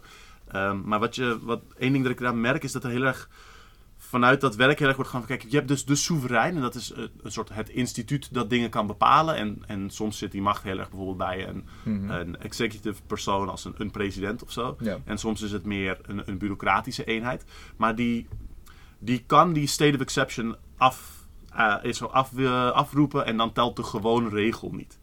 En in, in Agamben's werk wordt er heel erg een ding gemaakt van... Wat is nou de soeverein en hoe heeft hij zo'n interessante soort van metapositie tussen... wordt gebonden door de wet, want het is een ding dat in de wet bestaat. Namelijk, de president mag x en x doen. Net als Macron die zegt, als, nou, als president mag ik gewoon deze wet eh, over het pensioen doorvoeren. Ja. Ehm, maar tegelijkertijd bestaat hij erboven. Want zeg maar, de, wet, de wet zegt er is een president. Maar de president mag ook de wet soort van opheffen. En daar zit een soort interessant filosofische paradox in. Ehm, en en ik, ik vind het interessant, die, die benadering is eigenlijk heel krom. Want het, het doet heel erg alsof die wet soort van iets, iets soort van in de ideeënwereld een echt ding is. Dat macht heeft en dat creëert een president. Maar die heeft daar een soort paradoxale relatie mee. Omdat die president kan het ook weer omkeren. Het wordt heel magisch eigenlijk. Terwijl, wat het, wat natuurlijk gewoon is, je hebt organisaties van mensen. ehm, met daarin een soort van ergens een soort bes- besluitvormend eh, ding. En het kan Mhm. zijn een president of ik veel, een bepaald bureaucratisch proces. En er zijn, er zijn gewoon verschillende manieren waarop je met dingen kunt omgaan. En alleen omdat je zegt, normaal hebben we dit protocol, maar we introduceren nu ook dit andere protocol en die twee wisselen elkaar af en wij zeggen het, want wij hebben de wapens. Dus dat is gewoon hoe het gaat. Ehm, dat is eigenlijk een veel, veel soort van logischer en concretere manier om daarover na te denken dan om soort van mee te gaan in dat verhaal dat die wet soort van een soort ding in de wereld is dat echt bestaat, dat dingen bepaalt. Het is gewoon. Ja, het is bijna alsof als je een fundamentele analyse wil maken, dat het interessanter is om te kijken naar de machtsrelaties Ja, dan naar de narratieven van mensen bovenaan die machtsrelaties. precies. precies. En dat is, dat is dus interessant. Dat, ik heb het gevoel dat zeg maar, Agamben dat, dat wel vast wel deels doet, maar, maar in dit ding eigenlijk niet. En er zit eigenlijk een soort, een soort liberalisme in. Er zit een liberalisme in het idee van. De wet is gewoon zo en dat is wat de president macht geeft. Nee, nee. dat is niet hoe het werkt. De, de president, of wat voor leidinggevende, of wat voor soort van leidinggevend proces er ook is, dat, dat komt vanuit gewoon macht zelf. Dat komt vanuit de, de netwerken, de organisaties, de middelen die daar, daar kracht aan geven. En de wet is meer een, een soort van een, een deels een soort protocol of een beschrijving daarvan, of iets dat ze kunnen gebruiken, maar dat is helemaal niet iets dat die macht geeft. Ja, Ehm, en juist hierbij zie je dat ook extra. Dus dan is het heel interessant als er vanuit dat andere kader hiernaar gekeken wordt alsof het wel nog zo is. En dan krijg je dus ook van, oh wat raar, wat paradoxaal dat die twee dingen zo tegen elkaar ingaan. Nee, dat is gewoon een slechte manier om ernaar te kijken. Het, gaat, het is gewoon allebei iets dat ze gewoon kunnen doen. Dus dat. Ja, tijdens die antiglobaliseringsbeweging worden deze dingen dus. Eh, wordt daar een, een soort systeem voor ontwikkeld. En op, het, op de crescendo van die antiglobaliseringsbeweging vindt 9-11 plaats. Mhm. En daarna eh, regent het gewoon groeiende macht voor politieinstituten. Kunnen die met alles wegkomen en allemaal nieuwe dingen doen. En ehm, ook rondom deze tijd, in de VS specifiek, wordt ehm, de Free Trade Agreement of the Americas of zo gelanceerd. En, en daar, daar is een groot protest tegen. Dat is, die, dat is weer zo'n zo'n top, zo'n summit. Mhm. Eh, dat is in Miami. En aan de hand van hoe de politie daar opereerde, omdat het zo, zo berucht is, is het Miami-model ontstaan. Ja. En dat is eigenlijk de meeste dingen die wij nu hebben besproken, eh, worden daarin ja, niet zozeer geperfectioneerd, maar gewoon ge- gestandardiseerd en echt zeg maar. eh, dat, is, dat is echt een voorbeeld van, oh, die, dat is precies hoe, hoe we het als politie willen doen. Ja. Een, een soort, bijna een soort checklijstje van dingen die je wil aanhouden. En, Ja. dat, en ja, dan kan je eh, voor, voor, de, voor de luisteraars thuis op de fiets, waar je het luistert. Er is gewoon Wikipedia van de Miami Model, wist ik helemaal niet. Ik dacht van, wauw, ik heb dat echt een vet niche, coole anarcho-zien gelezen. Maar het is gewoon, de, de politie gebruikt dit ook gewoon als, eh, als term. En er staat gewoon een hele checklist van alle dingen die ze doen. En dit zijn niet alleen dingen voor summits, het zijn ook dingen die... Die wel breder van toepassing gebruikt kunnen op- worden. Op demo's, acties, op alles ga je dit terugzien. Zelfs bij eh, politieoperaties tegen hooligans, tegen eh, wat dan ook. Zul je delen hiervan eh, van terugzien. Firing is wiring. Als je het op één plek gebruikt, gaat het, gaan dit soort dingen vaak doordruppen naar andere Ja, ja, ja. Of bewust uitgebreid. Dit zijn hele mooie pagina's. Ja, dus Establishment of Joint Unified Multi-Agency Command and Control Network. Ja, oké, dat is heel VS-based, maar eh, zorgen dat alle verschillende jurisdicties onder één structuur vallen. Dat zal in Nederland vast ook wel relevant zijn, maar in de VS is dit echt een soort hellscape aan een lappendeken van bullshit. Ehm, maar er, er, moet, er wordt dus heel erg soort van gewerkt aan samenwerking tussen verschillende stukken van het eh, juridisch en justitieel. Ja, met één duidelijke piramidestructuur met iemand bovenaan die, die gewoon de shot, shots called. Omdat ze het zien als een... Het, het wordt, omdat het counterinsurgency komt uit eh, militaire tak, dus je ziet ook dat de hele logica wordt steeds eh militairder daardoor. Ja. Dus het wordt, die demo's worden ook gezien echt als een, een battlefield. Ja. En alles daaromheen moet eventjes daarop gefocust zijn. Ja, ja, ja, oké. Dus mass purchase of surveillance equipment, riot gear en other supplies. Dus massa aankoop van eh, afluister en soort van surveillance apparatuur, eh, Eh, dingen tegen, tegen, tegen rellen, schilden, et cetera. Ja, Eh, interessant ook dat- waterkanonnen En other, andere spullen. Los, los van dat het heel typisch is en eh, dat dit zegt over op welke schaal ze dit willen gebruiken en, eh, wat ze willen doen, is het natuurlijk ook heel typisch dat het purchase is. En dat, zeg maar, dit is niet, het is niet leasen of huren. Nee, nee. Dit is nu voor altijd. ja, ja, en dat ja, is dus altijd zo. Dus elke keer als dit gebeurt, wordt het uitgebreid. En dat, dat is dus dat ding van die, die state of exception. Oh, het is maar één keer een state of exception. Maar nu hebben we allemaal vet nice gear om mensen af te luisteren. Ja, precies. Veel meer riot gear. We hebben nu eh, waterkanonwagens. Ja, die ga je niet... Het zou toch zonde zijn om dat niet te gebruiken. Dat is eh, Ja, ja, ja. hele, mooie spullen. Dus ehm, je ziet ook dat in, in die logica dat de constante escalatie die het in zichzelf meeneemt. Ja. En dus ook allemaal dingen die, eh, zeg maar, waar de VS-president Nixon eh, voor afgezet is, die nu gewoon standaard surveillance zijn. Ja, op politieniveau. Want Ja, dat was ja. echt toen eh, heel, heel hoog. eh, ja. Precies, precies.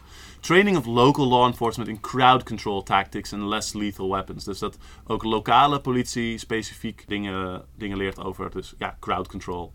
ehm, en een ander soort wapentuig tegen. Ja, less lethal weapons, ook eh belangrijk ding. Eh, dus gewoon alles dat niet live ammunitie van vuurwapens is. En je ziet dit ook in Nederland terug, dat dit los van dit soort grote momenten ook een, een creeping, Ja, ja, eh, ja. constant ding is. De Van het- uitbreiding van tasers, die trouwens wel heel dodelijk zijn. Pepperspray. ja, ja, dat staat ook Eh, less rubberkogels, ja, less lethal inderdaad. Het is geen D&D waar je een soort van dan maar het plat van een stalen zwaard gebruikt met- en dan telt het niet meer. Ehm, inderdaad. Public relations, information warfare, newspeak, spin. Dus heel veel met politie die zich heel erg bezighoudt met de public relations kant ervan. Hoe komt het in de media? Hoe denken andere mensen die er niet bij zijn over dit conflict? Informatieoorlog voeren. En, en dat is heel nieuw voor de politie om te doen. Want dat, als je, als je, nou, je moet wel vrij ver terug gaan inmiddels, maar heel lang deed de politie niet public relations. Deden zij niet praten met de. Misschien als ze gevraagd werden, maar ze hadden geen eigen proactieve campagne. Omdat zij, zij zagen dat niet als hun taak. Politici doen dat, of eh, lokale beleidsmensen, of, of, of eh, weet ik veel. eh, ja. ambtenaren, maar ni- niet de politie zelf. En nu is de politie heel actief. En je Ja. ziet het, dit zie je in Nederland ook heel veel. ja. Heel actief. Propaganda, zeg maar. Heel, Fucking veel propaganda. superveel. pa- Ik bedoel, het medialandschap in Nederland is ook Ja. bagger. Maar ja, dus bijna, er bijna niks, niks uh, hoe het? kritisch. kritisch, Er wordt gewoon laat staan iets woord voor woord overgenomen. Woord. zeg maar, een van de, zeg maar, fucking Lubach is een van de meest kritische dingen Ja, die er op shocking. tv is. Echt Shocking. bespottelijk. En ook, en ook, zeg maar, na, na dat er, als er wel een keer iets gebeurt, dan zie je ook daarna dat er meer propaganda is in het nieuws, et cetera. Dat wordt ook even vergroot, dat wordt ook even Ja, uitgebreid. En het, er zijn heel veel interessante eh, manieren hoe, hoe dat gebeurt. Je hebt natuurlijk de, wat in Nederland heel veel gebeurt, is als er een keer iets uitkomt over de politie, zie je direct dat er andere verhalen over de politie is. Ja. Dus als de politie geweld is, gewoon direct, oh, eh politie heeft een hondje uit de boom gered. Of ja, ja, ja, eh, allemaal totaal eh, onzinnige shit. Hetzelfde zie je trouwens ook met, met niet alleen met politie hoor, maar ook met demonstreren. Bijvoorbeeld, eindelijk gaat dan de vakbond een keer staken. En dan wordt gelijk zo'n, oh ja, er is één iemand die niet meer met de bus naar het stemhokje kan gaan. Ja, ja, ja, ze toevallig ook staken op de, de, de, de verkiezingen van de provinciale staten. Echt een heel belangrijke verkiezing. Zeg maar, da- Ja, ja, dat ja. is allemaal gericht om dat narratief te on- ondermijnen. Ja. En nou ja, op de Wikipedia staan gewoon best wel een paar grappige dingen tussen. Die je- heel direct terugziet. Dus Oh, bijvoorbeeld, in een terroristen slash eh, gewelddadige protestanten gaan eraan komen. Versus goed getrainde agenten aan de andere kant. Dus die twee, die twee beelden heel erg neerzetten. Ja, en Ehm. hier zit ook heel erg die, die outside agitator Ja, ja, logica in.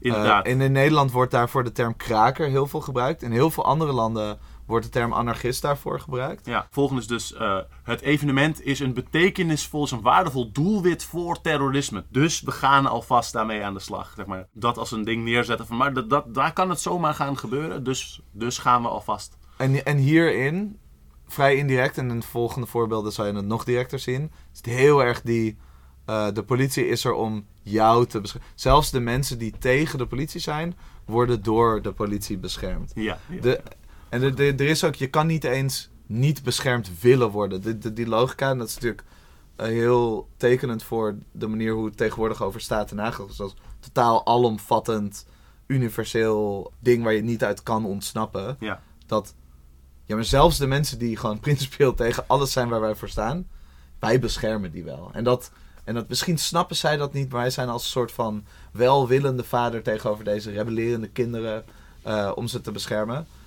Wa- waardoor de politie, dus de poging is om ze in een positief daglicht te zetten. ja, ja. Ehm, Dat is ook een andere inderdaad. De politie zal het recht om te protesteren beschermen op Ja. deze actie. Tegen die mensen die, die, Die- dat recht kwaad doen door het verkeerd te gebruiken of zo. ja, ja, ja, ja. ja, Ehm, heel, heel normaal, heel veel gebruikt, eh gebruikt een soort spin dat ze doen. Ehm, en ook inderdaad eh, Anarchists and Criminal Elements, Dramatic Seattle eh, World Trade Organization or London Imagery. Dus heel veel soort van heel dramatische, negatieve shots van rellen en andere dingen laten zien als, als deel van een soort eh shock-ding, terwijl de politie dus heel positief wordt nou, laat zien, et cetera. Display of confiscated weapons to prove malintent. Dus heel vaak laten zien van, oh, we hebben al deze dingen, deze wapens gevonden bij deze mensen. Dat heb je ook in Nederland laten bij, bij woondemo's en zo. Oh dat mijn iemand, god. dat iemand eh, ik, ik weet niet wat, het, wat hij had, maar had een soort... soort Zo'n fucking aardappelschilmes. ja, ja, ja, ja, ja. ja. Fucking hell. Echt. Maar dit, is- kijk, en hier hebben ze dan geen foto van gedaan, want dan kunnen ze zeggen wapens gevonden en dan kunnen mensen lekker speculeren. precies, precies. Maar soms doen ze dus wel foto's. eh, maar dan moeten ze iets hebben dat er soort van dreigend uitziet. Ik kan me nog heel goed herinneren dat eh, ehm, een van de eerste, misschien wel de eerste keer, dat de Ajax een Entrada zou doen eh, bij, een, eh, bij grote wedstrijd. En dat Halsema burgemeester was van Amsterdam. De eerste keer onder de nieuwe burgemeester Halsema dat ze een Entrada ging doen. En dat er ehm, nou ja, een opstootje was tussen verschillende sporters van, van voetbalgroepen. en dat, dat er, hoeveel mensen waren het? Zo'n 50 mensen of zo, of 60 mensen gearresteerd of staande gehouden waren, of wat dan ook. En daar hadden ze wapens op gevonden. En dit gaat dus over de harde kern van, ik weet niet of het Ajax of de tegenstander was. Ik, volgens mij was het, was het maar either way. Eh, en toen hadden ze meer dan 50 mensen ge, geprocessed. En toen hebben ze zoiets van twee zakmessen gevonden of zo. En dan kreeg van, holy shit, als jij gewoon 50 hoolies searcht en je vindt maar twee zakmessen, heb je of niet goed gezocht, of dit is gewoon de best fucking... Zo, dit, dit wordt dan neergezet, oh ja, super heftig. Van, Jesus, dit is echt... Sommige mensen hebben gewoon een zakmes bij zich. Ja. Precies, maar ook dit is echt het lichtste ding dat je had kunnen vinden bij, bij 50 goelies die in een, in een eh, mogelijk conflict met, eh, met de tegenstander. Ja, en, maar dat wordt dan heel breed uitgelegd van kijk, bla bla bla. En die foto's is ook zo'n beroemd ding. Eh, is in Nederland bij, bij demo's ook wel, gebeurd. ja, precies. van alles zoveel mogelijk er wapen uit laten zien, wat maar kan. Ja. Dus, ja. ja, ja, ja. Dat is ook met het ding met, oh, de, de, de, vlagstok is geen eh, PVC-buis of zo, dat soort onzin. Ja, ja, Ja. ja. Unpermitted protests can continue due to police goodwill. Dus dan, de politie laat een, een protest toegaan, ondanks dat er geen toestemming voor is. En het hele ding van, dus je moet toestemming hebben. Dat heel erg duwen, maar ook dus dat laten zien als een soort cadeautje. Een cadeautje van de politie. Dat, dat mag jij gewoon. Ja, en het, het zikke aan deze logica is ook dat zelfs als er niet heel veel eh, lopend conflict is. Eh, dus laten we een, een situatie nemen in een land waarbij er eh, relatief oké eh, situatie is met demo's. Je kan gewoon een demo aankondigen, je hoeft niet aan te melden of, of goedkeuring te vragen. En je kan dat gewoon doen. Als je dit, deze tactiek gebruikt, ik blijf het vaak genoeg zeggen. Deze demo kon gebeuren dankzij de goodwill van de politie. Kan je de, die gedachtegang proberen te normaliseren. Ja. Tot het moment dat je het flipt. Terwijl er in de realiteit op straat eigenlijk nooit iets veranderd is. Je kon altijd een demo lopen. Ja. Ze zeggen heel lang dat dit het geval is. Op een gegeven moment zeggen politici: je moet het nu wel aanvragen, anders mag het niet. En dan opeens is het alsof het altijd al zo was, omdat ze dit narratief gebruiken. Ja. En dit is heel typisch iets wat ze in Nederland gebruiken. Mhm. Eh, ook bijna alle demo's in Nederland worden altijd aangemeld, formulieren ingevuld, mensen met een legale namen eh, gegeven bij de gemeente. Allemaal overigens niet nodig in Nederland. Je hebt een demonstratierecht. Als je het aankondigt, kan je gewoon een demo lopen. De politie kan het daarmee oneens zijn en vrij onrechtmatig daar dat proberen te beëindigen. En dan kan je je afvragen, welk risico wil je nemen? Maar het, is gewoon legaal eigenlijk. En, maar het is heel sick hoe dat in Nederland ook verschoven is. Ik eh, ken mensen die eh, langer geleden actief waren, maar ja, 80, 90. Nou, dat wordt helemaal niet zo moeilijk gedaan over... oh, je moet alles aanmelden, je moet alles voor, volgens alle formulieren doen. Dat is er gewoon over de, over de tijd helemaal ingeslopen, helemaal gebureaucratiseerd en ingekaderd. En nu wordt dat eigenlijk als logisch gezien... waar je zelfs radicale demos hebt die het gewoon aanmelden. En dat is eigenlijk best wel sick. Want vanaf het moment dat je daarin meespeelt... zit jij in dat, Ja. in dat spelletje. Ja. En ja, dat is... ehm, Ja. Het shout-out naar alle demo's die zich niet aanmelden. Fuck Ja, ding. Dat is echt fucking dope. Uitstekend. Er staat hier in het mediading staat ook nog dus onafhankelijke media als, als doelwit, camera's, videomateriaal wordt in beslag genomen en alleen een soort van grotere officiële media toestaan, die zijn vaak ook sympathieker naar hun. En dat, dit was, dit was dit wat we deden, was eigenlijk alleen nog maar het, het, het, het, het media-offensief van de politie. De lijst gaat nog veel langer. Ja, we gaan ook niet de hele lijst doen hoor. Maar vooral die media-dingen zijn heel erg één op één makkelijk te, te, te doen in Nederland. Ook in Nederland is er niet zo heel veel echt onafhankelijke media. Maar je hebt gewoon individuen die foto's nemen, filmen.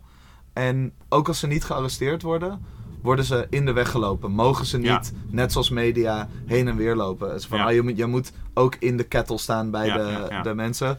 Want eh, je bent een eh, de, demonstrant van, nee, maar ik ben, Ja, ja, ik ben media. Nee, dat telt niet, want je hebt geen perskaart of je hebt Precies, geen whatever. precies, ja. Eh, gewoon omdat wij dat nu vinden. Ja. Er zijn een aantal dingen die nog wel interessant zijn. Bijvoorbeeld surveillance and disruption of protest organizers begins. Dus je gericht, heel gericht eh, richten op de mensen die protesten organiseren. Hen proberen er tussenuit te pikken op demo's. Maar dus ook bijvoorbeeld vooraf aan een actie te arresteren. Zoals laatst bij de A12 in, eh, in Den Haag. Attempts to divide protest groups and organizers in media and meetings. Dus proberen om eh, protestgroepen en organiseerders tegen elkaar op te zetten, uit elkaar te drijven. Dit is, Eh, ja, dit is beroemd. Maar, dus, eh, ja, en- en divide de- and conquer. en de specifieke manier ook vooral hoe, het, hoe je het in Nederland herkent, is heel erg dat idee van radicalen en gematigden, of welke termen ze dan ook gebruiken. Ja, Ehm, vaak ook ge- gekoppeld met dat, de, die outside agitator. Eh, Ja. Bijvoorbeeld die horen vorm- niet echt bij de demo. Die zijn gewoon aankomen waaien om voor problemen te zorgen. Maar die willen helemaal niet. Die horen helemaal niet bij jullie. Precies, en het is bijna altijd wordt het krakers genoemd in, in Nederland. Tot een, zeg maar, tot het lachwekkende aan toe. Maar het, is- het, het is heel grappig om bijvoorbeeld, eh, als je terugkijkt naar de studentenbeweging 2014-15, van de maagduitzetting en zo. Werd er ook heel erg in de media gegooid met, oh ja, het is eh, door krakers eh, zijn zich naar binnen aan het wurmen. En die zijn allemaal dingen aan het, eh, aan het opstoken en bla bla. Ja, ja. Wat voor mensen in de beweging zelf hilarisch was, want die beweging was begonnen met een kraakactie ja. in het begin van dat jaar. Dus het, het, is, het is wild waar mensen komen. Ja, maar het is niet gericht op, op ons binnen de beweging. Dat is ook belangrijk voor ons. Tenminste, deel- deels wel. Maar grotendeels is het gericht op eh, breed popular support achter politiehandelingen krijgen. Eh, dat verdeelingheers doen ze ook gericht op ons. Maar dat wordt vaak wel met, met dezelfde angles, maar op andere manier gedaan. Dus dat is dan vaak minder in kranten, maar meer eh, Ja. door, door druk te zetten op bepaalde groepen of... eh, Ja, ja, precies. Nou, die State of Exception wordt nog een keer genoemd hier in, in het Miami Model. Een aantal dingen die daarbij te maken hebben. Area-wide surveillance video. Ehm, dus overal inderdaad, die, die surveillance gewoon van het gebied zelf al. Niet voor, voor mensen, maar gewoon überhaupt. En zeker in grote, rijkere steden zie je dat, zie je dat overal. Gewoon die saturatie, die gewoon oververtegenwoordigd van camera's Wederom. overal. State of Exception gewoon norm geworden. Dit is gewoon permanent. Ja, precies. Dat is grappig. Dus ik ben ook, ehm, ehm, er is ook heel erg soort van proberen andere mensen bij te betrekken in politie. Staat hier ook civic groups and clubs employed to support law enforcement activities. Ehm, en en dat, dat kan nu ook naar individuen. Bijvoorbeeld, ik zag laatst een bericht dat er in Nederland zo'n 11.000 of zo soort van huisdeurbelcamera's eh, verbonden zijn aan Ja, het die. Amazon-camera's. Ja, dat is ook allemaal illegaal trouwens. Die mensen mogen die camera niet hebben, want je mag geen eh, Nee, camera hebben die op de straat richt. Maar het is wel grappig dat de politie daar niks aan doet. Nee, dat vinden ze dan niet zo erg. Dat is dus grappig dat, dat, dat, dat, dat die overtreding massaal door de politie gebruikt wordt. Ja. En dat is grappig, want ik heb ooit, ik heb ooit gezegd inderdaad, de politiestaat is een teamsport. Ehm, en ze willen dat je dus meedoet. Ehm, en dat, dat zit hier dus Ze heel, hebben ook heel fanclubs erg in. nodig. Ze hebben ook fanclubs nodig. Ja. Ehm, en dat, dat zie je dus hier ook heel erg in. Inderdaad, die, die betrekking van allerlei andere groepen mensen in de, in de missie van politie op die Ik zie, ik manier. zie trouwens eentje waar ik heel erg moet... eh March and event permits denied or delayed. En vooral dat, dat, eh, dat uitstellen van dit soort dingen geven... is ook een heel typisch ding. Grappig genoeg, iets wat... Zeg maar, het, het uitstellen van dingen tijdens onderhandelingen... is ook iets wat wij binnen de beweging... in bepaalde onderhandelingen heel goed voor onszelf kunnen gebruiken. Maar in dit geval wordt het heel vaak ingezet om de organisatie te ondermijnen. Dus... eh, in Nederland worden soms ook demo's gewoon eh, Verboden. verboden of niet toegestaan. Of de, de vergunning wordt niet gegeven, waardoor ze impliceren dat het verboden is, wederom. De plaats dat, dat wordt is dan veranderd. niet of- zo. Ja, of oh ja, het het plaats veranderen, of ze willen... je mag niet op de plaats waar je eigenlijk wil, dus dan ergens anders. Eh, en het zijn allemaal manieren om jou bezig te houden met dat gedeelte. Met vet frustrerende discussies met een instituut wat veel machtiger is dan jij, maar ook niet naar jou hoeft te luisteren. Je hebt geen enkele invloed hierop. Nee. Eigenlijk het ding is, als deze mensen al zo zuur zijn dat ze dit soort spelletjes gaan spelen, is de kans heel klein dat ze iets van inschikking of wat dan ook gaan tonen. Maar ze trekken jou helemaal daarin, omdat je vaak, als je daarmee bezig bent, wil je dan ook daarmee weglopen van, oh, het is nu goedgekeurd of het is nu Ja, whatever. Eh, waardoor je veel te laat je demo pas kan aankondigen of delen het moet veranderen waar het is of Ja. wat dan ook. En, en, En als je dat, het moet veranderen, dan verlies je momentum. Worden mensen worden minder enthousiast. Sommige mensen hadden het gewoon ingeblokt en kunnen dan niet komen. Ehm, en, en ook die, die demotivatie is belangrijk. Want zij hebben ook heel erg door. Zeg maar, er, er is altijd zeg maar, op, eh, op extreem rechts dat ding van... Oh, ik krijg allemaal geld van Soros. Maar de politie heeft gewoon door dat wij helemaal niet geld hebben. Het enige wat wij hebben is ideaal en de motivatie om er iets mee te doen. En die motivatie willen ze aanvallen. Ook hiermee. En ook, dit is eh, heel veel van deze dingen. Maar alles wat meer stress op de organisatie levert, eh, werkt ook het verdeel en heers tussen de activisten zelf in de hand. Ja. Dus bijvoorbeeld zo'n ding van, oh, je krijgt geen toestemming om te lopen.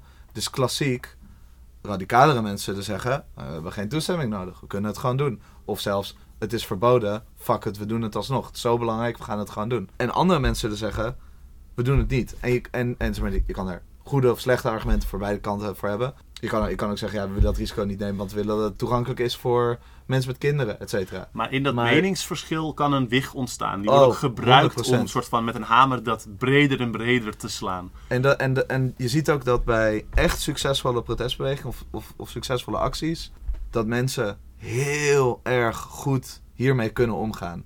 Dat ze gewoon direct inzien, oké, we kunnen niet, niet iedereen kan winnen. Fuck het, we doen twee acties. Een radicale en een eentje waar, waar mensen met kinderen en Ja. wat dan ook bij kunnen zijn. Eh, en, en, en die werken wel samen. Het zijn niet nu twee losse Ja, ja, ja. dingen. Dit is gewoon twee aspecten van een, van een demo. Maar dat is heel moeilijk om dat te doen. En je hebt ook veel, eigenlijk best wel ervaring nodig om dat soort dingen goed te doen. Want je bent eigenlijk nu niet meer één actie aan het doen, maar twee. Ja, En je bent ja, niet twee acties aan het doen, twee acties aan het doen. Die moeten samenwerken terwijl ze totaal anders zijn. En Ja, ja, ja. het is best tricky allemaal. Ja, en daar zit natuurlijk ook een, een als dat lukt, is dat, is dat goed en iets dat die, die tactiek soort van kan eh, neutraliseren, hopelijk. Maar het, in voor een deel kan het ook die wig gewoon verder drijven. Of het kan zijn van, oké, we hebben die twee dingen, maar waarom was die vreedzame dan alsnog aangevallen? Ja, dat komt omdat wij niet zeker konden weten dat er niet ook van die radicalen tussen jullie zaten. Dus dat was eigenlijk de bedreiging voor jullie. En dat die wig toch nog verder soort van doorgaat. Al moet ik wel zeggen dat in de gevallen dat mensen die samenwerking en, en dat soort dingen van diversiteit van tactieken hanteren, probeert de politie dat inderdaad, maar dan lukt het wel zelden. Dus zo- zolang je dat, dat De- echt... Ik wil maar zeggen, de, de poging kan er nog steeds zijn en zie je alsnog vaak. Maar het is Ehm, vooral succesvol op het moment dat mensen één ding willen samen. Van, oh, we moeten één actie doen. En die moet dus nu of heel erg militant worden, of juist eh, moeten we inbinnen op sommige van onze principes. Het ding is ook, je, bent met compromissen bezig. En soms is dat oké, soms is het niet oké. Maar dat is, daar zijn precies dingen die ze kunnen uitbuiten. En nou we gaan nu heel specifiek op deze eh, aspecten in. Maar in veel van die andere dingen die we genoemd hebben, zie je dit ook van eh, die outside agitators. Oh, maar wie zijn het dan? Ja. Wie zijn dan, wie horen er niet bij? Ja, Alsof, alsof je een bepaalde positie in het samenleving moet hebben om een mening te hebben over waar ever de fuck een demo over gaat. ja, ja. ja, ja. Ge- beter onderwijs. Je hoeft geen student te zijn om dat belangrijk te vinden. Het zou leuk Nee. zijn voor iedereen als het onderwijs Tuurlijk, beter tuurlijk. is. Maar dan wordt dan zo gedaan van, oh, maar dit zijn geen studenten. Dit zijn kakers, Mm. alsof studenten niet kunnen kraken. Maar ja, weet je ja, wel, ja, en dat, is. Dat, is, dat is allemaal van die shit die eh, blijft, blijft erin door. eh, Ja. Ehm, een laatste die ik wil hiervoor wil noemen: more mass arrest. Het, het gebruik om meer massa-arrestaties te gaan doen. ja. Wat we tegenwoordig ook meer zien dan vroeger. Ja, ik kom nu voor het eerst ook vaker voor in eh, Nederland. Ja, Dat een- ja. ja. Dus inderdaad, laatst met, eh, met, met bijvoorbeeld dus die A12-demonstraties vanuit eh, Extinction Rebellion. Gewoon honderden mensen gearresteerd. Dat, is, dat is relatief nieuwer in Nederland. Het is eerder ook wel, wel gedaan, maar het wordt niet zo heel vaak zo heel groot gedaan. Ja. Ja. Overigens, iets, volgens mij had je het al eerder genoemd, maar het, ehm, het, het lastigvallen van eh, organizers eh, voordat de demo gebeurt. Dus zeg maar zowel de organisatie, maar ook individuen. Ook iets wat in Nederland echt op echt heel veel gebeurt. Mm. Vooral omdat het vaak ook heel makkelijk is als mensen meedoen met het aanmelden en, en allemaal namen geven. Ja, Kan je die mensen dus vanaf dat moment gaan lastigvallen. Dat ook laat zien hoe doortrapt het hele ding is van. Oh, maar we willen gewoon dat je het aanmeldt. En dan door het papier wordt gewoon op de stapel gelegd van mensen waar we een huisbezoeking gaan doen. ja, ja. en je, ja, en je ja. ziet het gewoon bij de meest onschuldige demo's dat mensen opeens gewoon in de ochtend eh, bonkende vuisten op de deur hebben. En er staat gewoon twee smingers voor je deur. Ja, ben jij die en die? Organiseer je deze en deze actie? Gewoon terwijl je daar, weet ik veel, je eh, kinderen aan het ontbijt bent geven die naar school wil sturen. Ja. Al die lui van fucking eh, XR laatst ook. Ja, ja, ja. Mensen die gewoon voor hun kinderen fucking eh, gearresteerd worden. Ja, ja, ja. Heel bizar. En, da- en, en dat fuckt je op, want het is niet alleen... Het is niet alleen de intimidatie. De intimidatie is er sowieso en dat is altijd heftig. Ja. Maar het is ook de manier waarmee het gaat, is zo cavalier. Het is zo. De politie handelt alsof het zo- vanzelfsprekend is dat alles wat ze doen, no matter hoe belachelijk of hoe gewelddadig, dat zij zo aan de, aan de juiste kant staan. Dat, dat het- Cavalier is hier een soort van Engels woord voor arrogant. ja. Eh, maar dat, dat ze eigenlijk een soort. Ze geven mensen bijna eh, het ding van: oh, ik ga twijfelen. Ben ik wel de good guy? Want als zo heftig reageren, Ja, ja. is het dan wel. eh, of lo- los van dat je de- zelf denkt van: oh, vind ik dit het de moeite waard?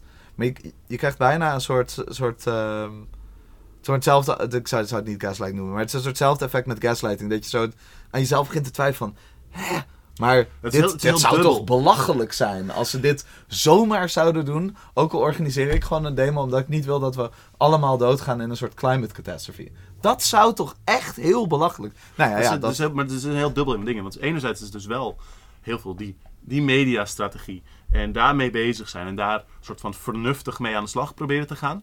En anderzijds gewoon die hele, die hele lompe overwhelming force. ja. En die, die twee dingen samen. Ja, oké.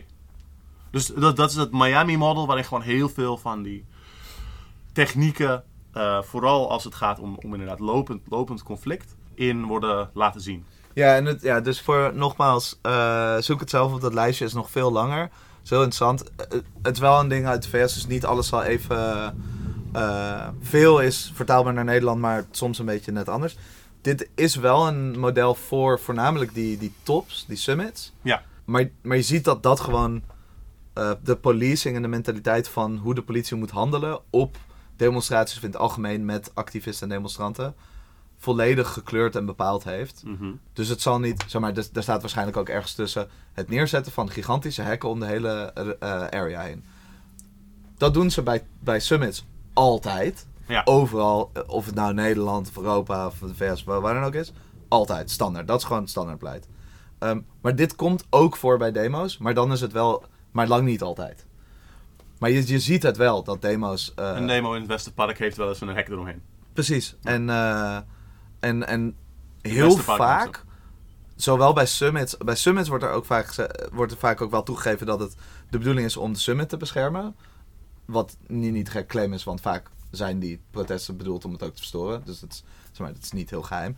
Eh, maar in, in zeg maar, kleinere demo's of, of losse demo's kan je niet zo makkelijk zeggen van... Ah, er is een demo in het Westerpark voor, weet ik veel, de eh, woningno- woningnood. Ah, dat, ze gaan het Westerpark vernietigen. Maar, dat soort shit wordt wel gezegd, maar dat is een beetje wilde claims af en toe. Ja, Dus dan kan je niet zeggen, we moeten hekken neerzetten zodat ze al, niet alle bomen kappen, want dat slaat nergens op. nee. Dus dan wordt het weer die, die frame waar we het eerder over hadden van, we doen het voor hun eigen veiligheid. Omsingelen we ze met dranghekken, omdat we weten dat massapsychologie altijd heel goed gaat op confined spaces waar je heel erg... eh, Ja, ja, ja. ja, maar, ja. en de- dus, dus dat, je, je ziet het wel, wel terug. En ook in Nederland, al zal ja, Ja. vaak Ja, net iets anders zijn.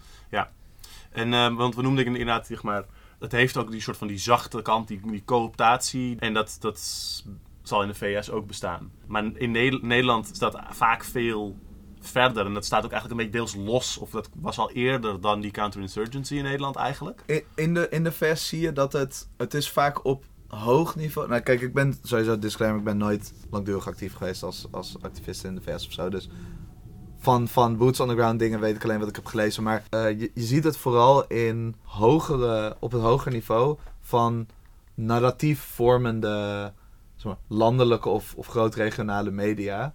En in eh, bijvoorbeeld bewegingen tegen racisme vanuit de zwarte gemeenschap zie je het heel veel. Dat eh beweging, de gemeenschap komt in opstand. Bijvoorbeeld een van de eerste eh, rellen rondom de Black Lives Matter beweging in Mhm. eh, Baltimore. Nou, vette opstand. Dat volledig geëscaleerd wordt door de reactie van de politie. En nou, nog grotere rellen. En dan komen er allemaal woordvoerders. Die namens, supposedly namens de eh, zwarte gemeenschap gaan spreken. En dat zijn dan allemaal mensen. Dat, dat is een hele grote vorm van cooptatie daar. Ja. Dus zeg maar van die eh, talking heads die volledig deel van het eh, establishment zijn, van het regime, die ook alles van de politie goed praten en de hele tijd de demonstranten van alles de schuld geven. Van ja, er zijn ook outside agitators en er zijn ook mensen die zich misdragen. Dus wat moet de politie ook anders? En ze zullen wel zeggen dat racisme slecht is, maar ze zullen nooit de politie als de bad guy in dit soort dingen neerzetten. En daarvoor worden ze heel erg gebruikt. En, eh, en, dat, en dat is net weer, weer iets anders dan de, Hmm. de traditie die je meer hebt in Nederland met cooptatie. Mhm. Die eigenlijk voor mijn gevoel veel dieper rijkt Hmm. in onze beweging. En Daarom hebben we dus ook die, die de tweede aflevering van... eh, de derde aflevering van Onderstroom was al over cooptatie. En daar zeggen we in Nederland echt bewegingsvijand nummer één. Omdat het zo... zo 100%. Zo, ja, zo diep, zo diep gaat, zoveel wordt gebruikt en zo, zo destructief eigenlijk is. als je die nog niet hebt geluisterd, luister die echt serieus. Het is echt, zeg maar, hoe de politie werkt, super interessant. Cooptatie, veel belangrijker. Ehm, eh, maar ja, en, en ik denk dat eh, wat interessant is om ook te kijken naar, als je in Nederland hebt over cooptatie, vooral in de context van counterinsurgency, is dat er is eigenlijk een veel grotere ges- voorgeschiedenis met hoe cooptatie werkt. Dat ik, ik vind een, op een gegeven moment krijg je overlap en alles wordt muddy en zo. Ja. Maar er, er is heel veel dingen eh, in cooptatie die we ook in die aflevering eh, echt helemaal ontleden. Die eigenlijk helemaal, helemaal niet vanuit counterinsurgency voortkomt. Nee. Bijvoorbeeld, gewoon een heel bekend voorbeeld en ook in die aflevering voorkomt, is dat eh, hoe, hoe heel veel delen van de kraakbeweging, heel veel panden ge, gecoopteerd zijn. In de legalisatieprocessen eh, onder andere. Dat, dat, dat is echt. Dit, we hebben het over jaren 80, ja, misschien al jaren 90. 70, maar vooral jaren 80, 90. Dit, dit is nog, dat is nog niet een periode dat in Nederland de, de politie echt bezig is met counterinsurgency. Het is ook, dit, dit hit Nederland natuurlijk wat later dan, Ja. eh, dan de rest. Want nou, eh, de politie is hetzelfde als alle andere Nederlanders in dat we allemaal de VS kopiëren. Heel leuk. En dat die vorm van cooptatie is ontwikkeld door eh, experimentatie daarmee. Het, zeg maar, er is vanaf het begin van het legaliseren van, van kraakpanden zijn er, is er de bewuste doel geweest om dingen te coopteren. Zoals bijvoorbeeld panden die vlak voor de Geen Woning Geen Kroning rellen gelegaliseerd werden. Maar als deel van hun afspraak moesten beloven dat ze zich dan niet actief zouden mengen met de, eh, met de rellen of daar niks aan zouden doen. Mhm. En de, de panden hebben daar, daar, zijn daarin meegegaan. Ik moet ook wel erbij zeggen dat er ook veel mensen in die panden waren die Ja, wel ja, gewoon mede in het pand ook gebruikt hebben en zo. Dus eh, weet je, Geen onverdeeld succes, maar het werd in ieder geval geprobeerd. nou, en, maar, maar het punt is, het, dat was niet hun mening. Dat was gewoon een principe dingetje waar je over zou kunnen vallen. Waarvan je al kan, laat, kan inzien van, oh, dit is hun doel. Het is gewoon heel duidelijk Ja, dat het hun ja. doel was.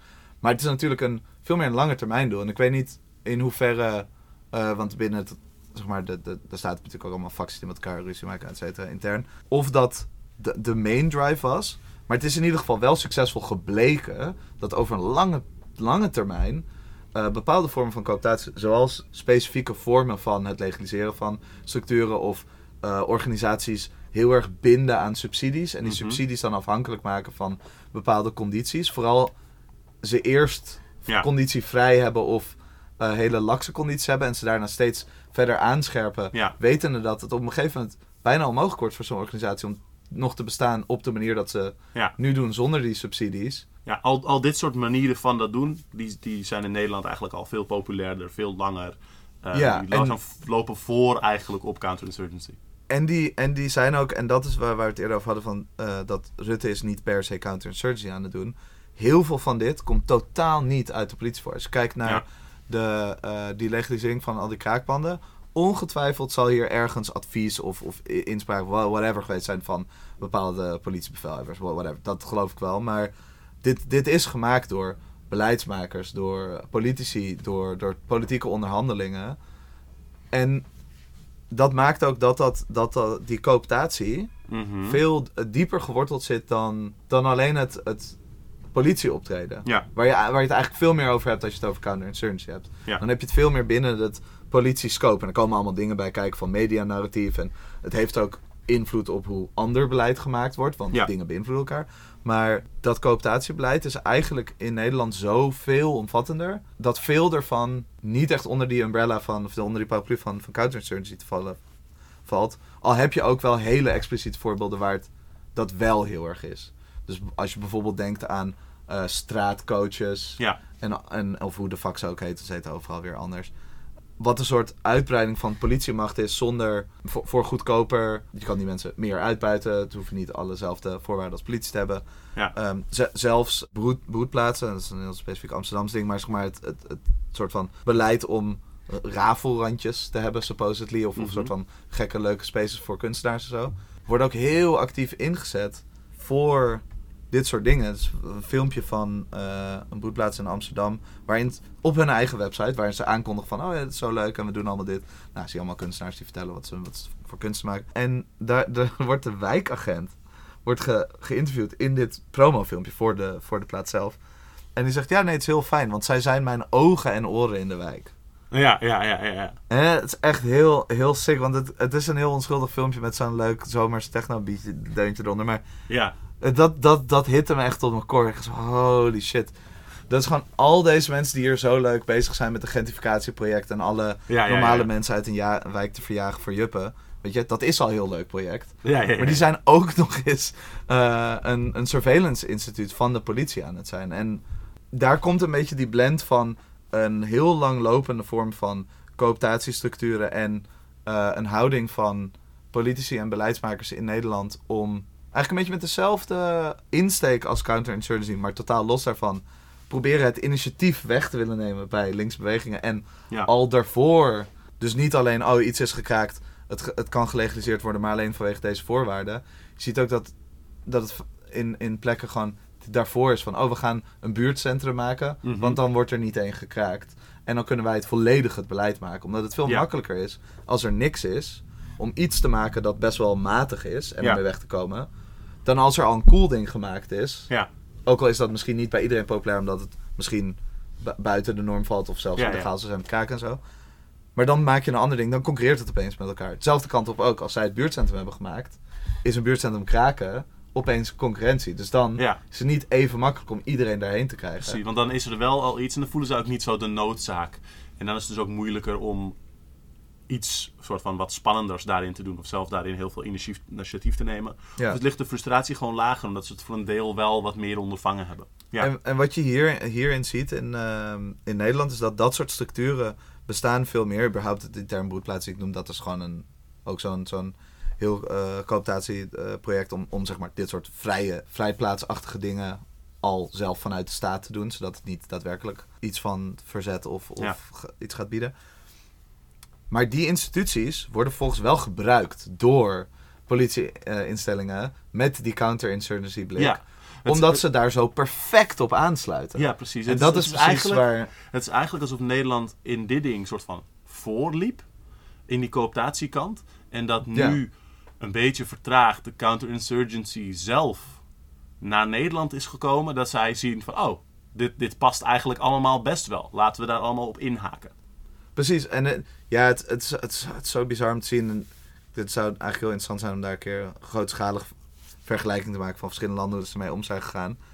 Maar dat, hoe erg Nederland daarin voorliep, vind ik echt stuitend. Als je ook bijvoorbeeld kijkt naar Duitsland, waar dus veel heftige, dat verschilde wel per deelstaat en per, per stad, maar over het algemeen veel heftigere politierepressie was van de kraakbeweging. Ja, Bijvoorbeeld in Berlijn met die regel van een pand moet volgens mij was binnen 24 uur ontruimd worden als het gekraakt is. Maar dat is gewoon verplicht van de politie. Dus ze mogen het niet niet ontruimen of wat dan ook. Nee, Dus, nee. zeg maar. werd veel moeilijker. Daardoor werd kraken in heel veel plekken heel militant. Maar helemaal niet een soort groot ding met veel lang bestaande infrastructuur eh, op een paar eh, dingen na. Die, die echt militant stand konden houden en, de politie weg konden slaan. Maar er was geen ruimte om die dingen te coopteren. En daardoor is een hele grote groep mensen die met deze woonproblematiek en sociale ruimtes en werkruimte zo bezig was, eh, wel afgeknapt op het kraken. Of misschien steunden ze dat nog wel, maar was in ieder geval niet even een soort van makkelijk, zeg ik dan voor iemand die toen ook niet in Nederland actief was, om dingen te kraken voor langere tijd. Ja. Is, is toen eh, begonnen met een totaal andere structuur opzetten. En daarvan heb je tot, tot, nu toe nog steeds het Miethouser syndicaat. Ja. Waar ze gewoon panden zijn gaan opkopen. En dat zijn dus niet kraakpanden die dan gelegaliseerd zijn en opgekocht zijn. Misschien dat die er ook enkele tussen zitten. Maar het meeste zijn gewoon... We zijn een woongroep of een, Ja, een ja, collectief die een, een social center wil doen of wat dan ook. Wij kopen gewoon een pand. En zij zijn allemaal aangesloten bij elkaar. En ze hebben nu dus tig panden. En daar, dat geld gebruiken ze om nieuwe panden aan te kopen. Daardoor is daar een gigantische structuur van. Eh, in Nederland heb je ook een hele grote structuur van gelegaliseerde panden. Maar die is veel meer gecoopteerd. Veel meer zijn ook verdwenen inmiddels. Of zijn, omdat ze een huurconstructie hadden, maar niemand meer wist dat het een gelegaliseerd ding was, veranderd in Ja. gewoon normaal reguliere huur weer inmiddels. En, en die dingen in Duitsland zijn veel, vaak veel soort van politieker, of het liefst bewuster waar ze vandaan komen en waar ze mee bezig zijn. Ja. En actief hun structuur aan het gebruiken om dat uit te breiden. Eh, terwijl in Nederland is dat een beetje hit or miss. Sommige gebouwen doen het wel hoor, dus zeker niet dat het niet gebeurt. Maar heel veel gebouwen zijn ook totaal verdwenen. Dus het waren er in Nederland veel, veel, veel meer in verhouding dan in Duitsland. Maar in Nederland zijn er veel meer weggevallen. Ja. En je ziet heel erg dat Nederland, de Nederlandse beleid in die zin gewoon echt ja, heel geraffineerde... Ja, ja, ja. Maar ja, dit is allemaal eigenlijk niet raar. Dus- Nee, maar het is wel. Ehm, Oké, dus een hele uitleg. Wat is, wat, is, eh, wat is counterinsurgency dan? Hoe zie je dat een beetje voor je in de praktijk? Wat voor dingen herkennen we daar ook van in Nederland? Counter je dan die counterinsurgency? Ja, wat kan je er tegen doen? Allereerst is het allerbelangrijkste is, is inzien dat dit ding, dus counterinsurgency en de eh, hele mindset die daarin meekomt en hoe dit politiehandelen en ook breder beleid beïnvloedt, dat het überhaupt een ding is, dat het de hele tijd een ding is, eh, begrijpen hoe het precies werkt. Eh, dus wij hebben het er nu heel veel over gehad. Maar er staan ook nog allemaal links in de ding. Ga die serieus lezen. Vooral dingen die meer praktisch zijn. Super interessant. Ook dingen, eh, veel teksten zullen over de VS gaan. Want in Nederland wordt niet gek veel over geschreven. Dat het een ding is, dus zeg maar, er zijn lopende dingen qua beleid en inzet en surveillance bezig om te voorkomen dat mensen een soort van verandering kunnen maken. Of in ieder geval eh, dat, er, dat dat gebeurt op een manier die eh, Ja, en alle... op een bepaalde alle manier voor, voor de politie als storend wordt ervaren of als een breuk met eh, status quo. ja, alles dat als een... Als een het creëren van een conflict met de autoriteit en de, de, de, legitieme autoriteit van wat ze dan soms de democratische rechtsorde of wat dan ook noemen. En Maar dat is een lopend ding dat ja, al bezig is. Ja, dat is altijd bezig. Ook als je eh, niet per se direct herkent op welke manier de politie dat dan bedoelt. Of hoe dat jouw werk zou kunnen effecten. Of probeer daarover na te denken hoe dat zou kunnen werken. Wat de intentie daarachter zou kunnen zijn. Het is niet zo dat deze... eh, Dat is ook een, een ding wat, wat voorkomen moet worden. Het is niet dat politie, de staat, et cetera... dat dit van die almachtige dingen zijn waar je niks aan kan doen. Het is ook dus niet zo dat alles wat zij doen altijd super geniaal, geraffineerd en perfect werkt. Maar ze doen het met een bepaalde idee in hun hoofd en met een bepaalde intentie om, om doelen te bereiken. Eh, als je die kan begrijpen, als je daar beter inzicht in hebt, kan je, daar, kan je het ook beter counteren. Eh, en kan je dus ook zien als zij zelf gewoon fouten maken. Want dat doen ze ook gewoon de hele tijd. Ze hebben wel al deze leuke theorieën en doctrine, Mhm. et cetera.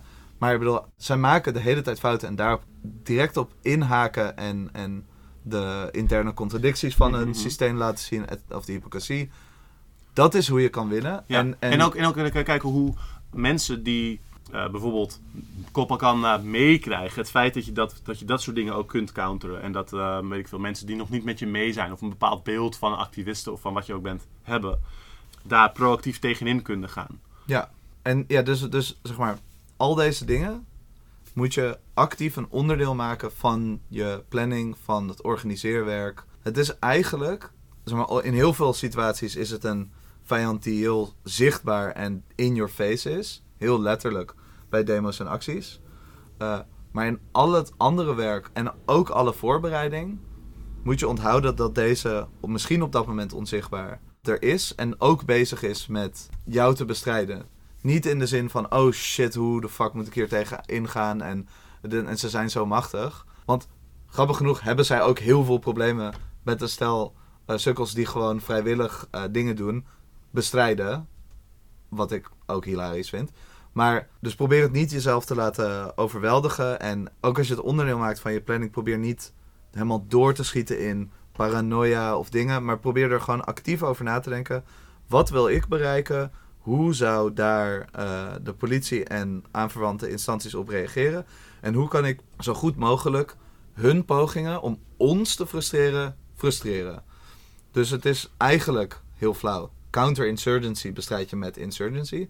Maar, maar dit, dit specifiek is eigenlijk een soort counter-counterinsurgency. Je probeert te voorkomen dat zij meer informatie over je kunnen verzamelen. Je probeert te voorkomen dat zij eh, handige tactieken kunnen doen om jou tegen je eh, bondgenoten uit te spelen. Of eh, je organisatie te frustreren.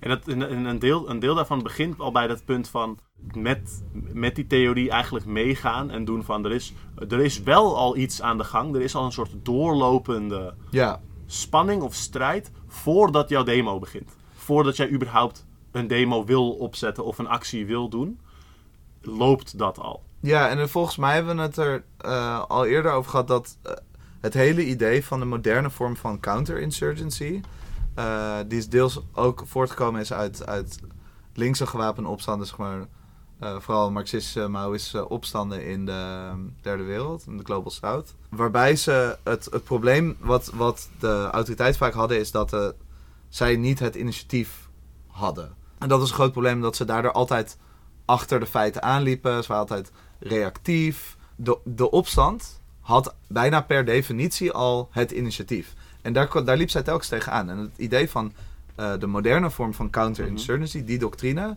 is om dat initiatief totaal terug te nemen. Dus hun idee is, als wij wachten tot er een opstand bestaat om ze dan te bestrijden, dan zijn wij, dan reageren we alleen maar. Dus als wij gewoon die opstand al bestrijden voordat het werkelijk bestaat, dan hebben wij het initiatief. Wat tegelijkertijd heel geniaal en heel dom klinkt. Ja. Maar dat, dat is, het, dat is het, het idee ervan. Het feit dat hier een risico bij zit natuurlijk dat ze nieuwe opstanden creëren, wordt voor lief genomen. Omdat als ze die creëren terwijl ze ermee bezig zijn om ze ook potentieel te bestrijden, kunnen ze, ook al komen ze op, beter bestrijden, waardoor dat alsnog eh, de voorkeur heeft. Plus dan heb je gelijk gehad. Ook dat, ja, ja, ja. Ja. Maar dat, daar, daar zijn de politici iets meer mee bezig dan de, dan de, de Maar de- de- politieactoren. Maar ja, die hebben wel gelijk, ja. Maar er, er zit dus zo'n ding in van, oh, hoe, hoe bestrijd je iets dat er nog niet is? Je gaat kijken, wie zullen de mensen zijn die dat dan gaan doen?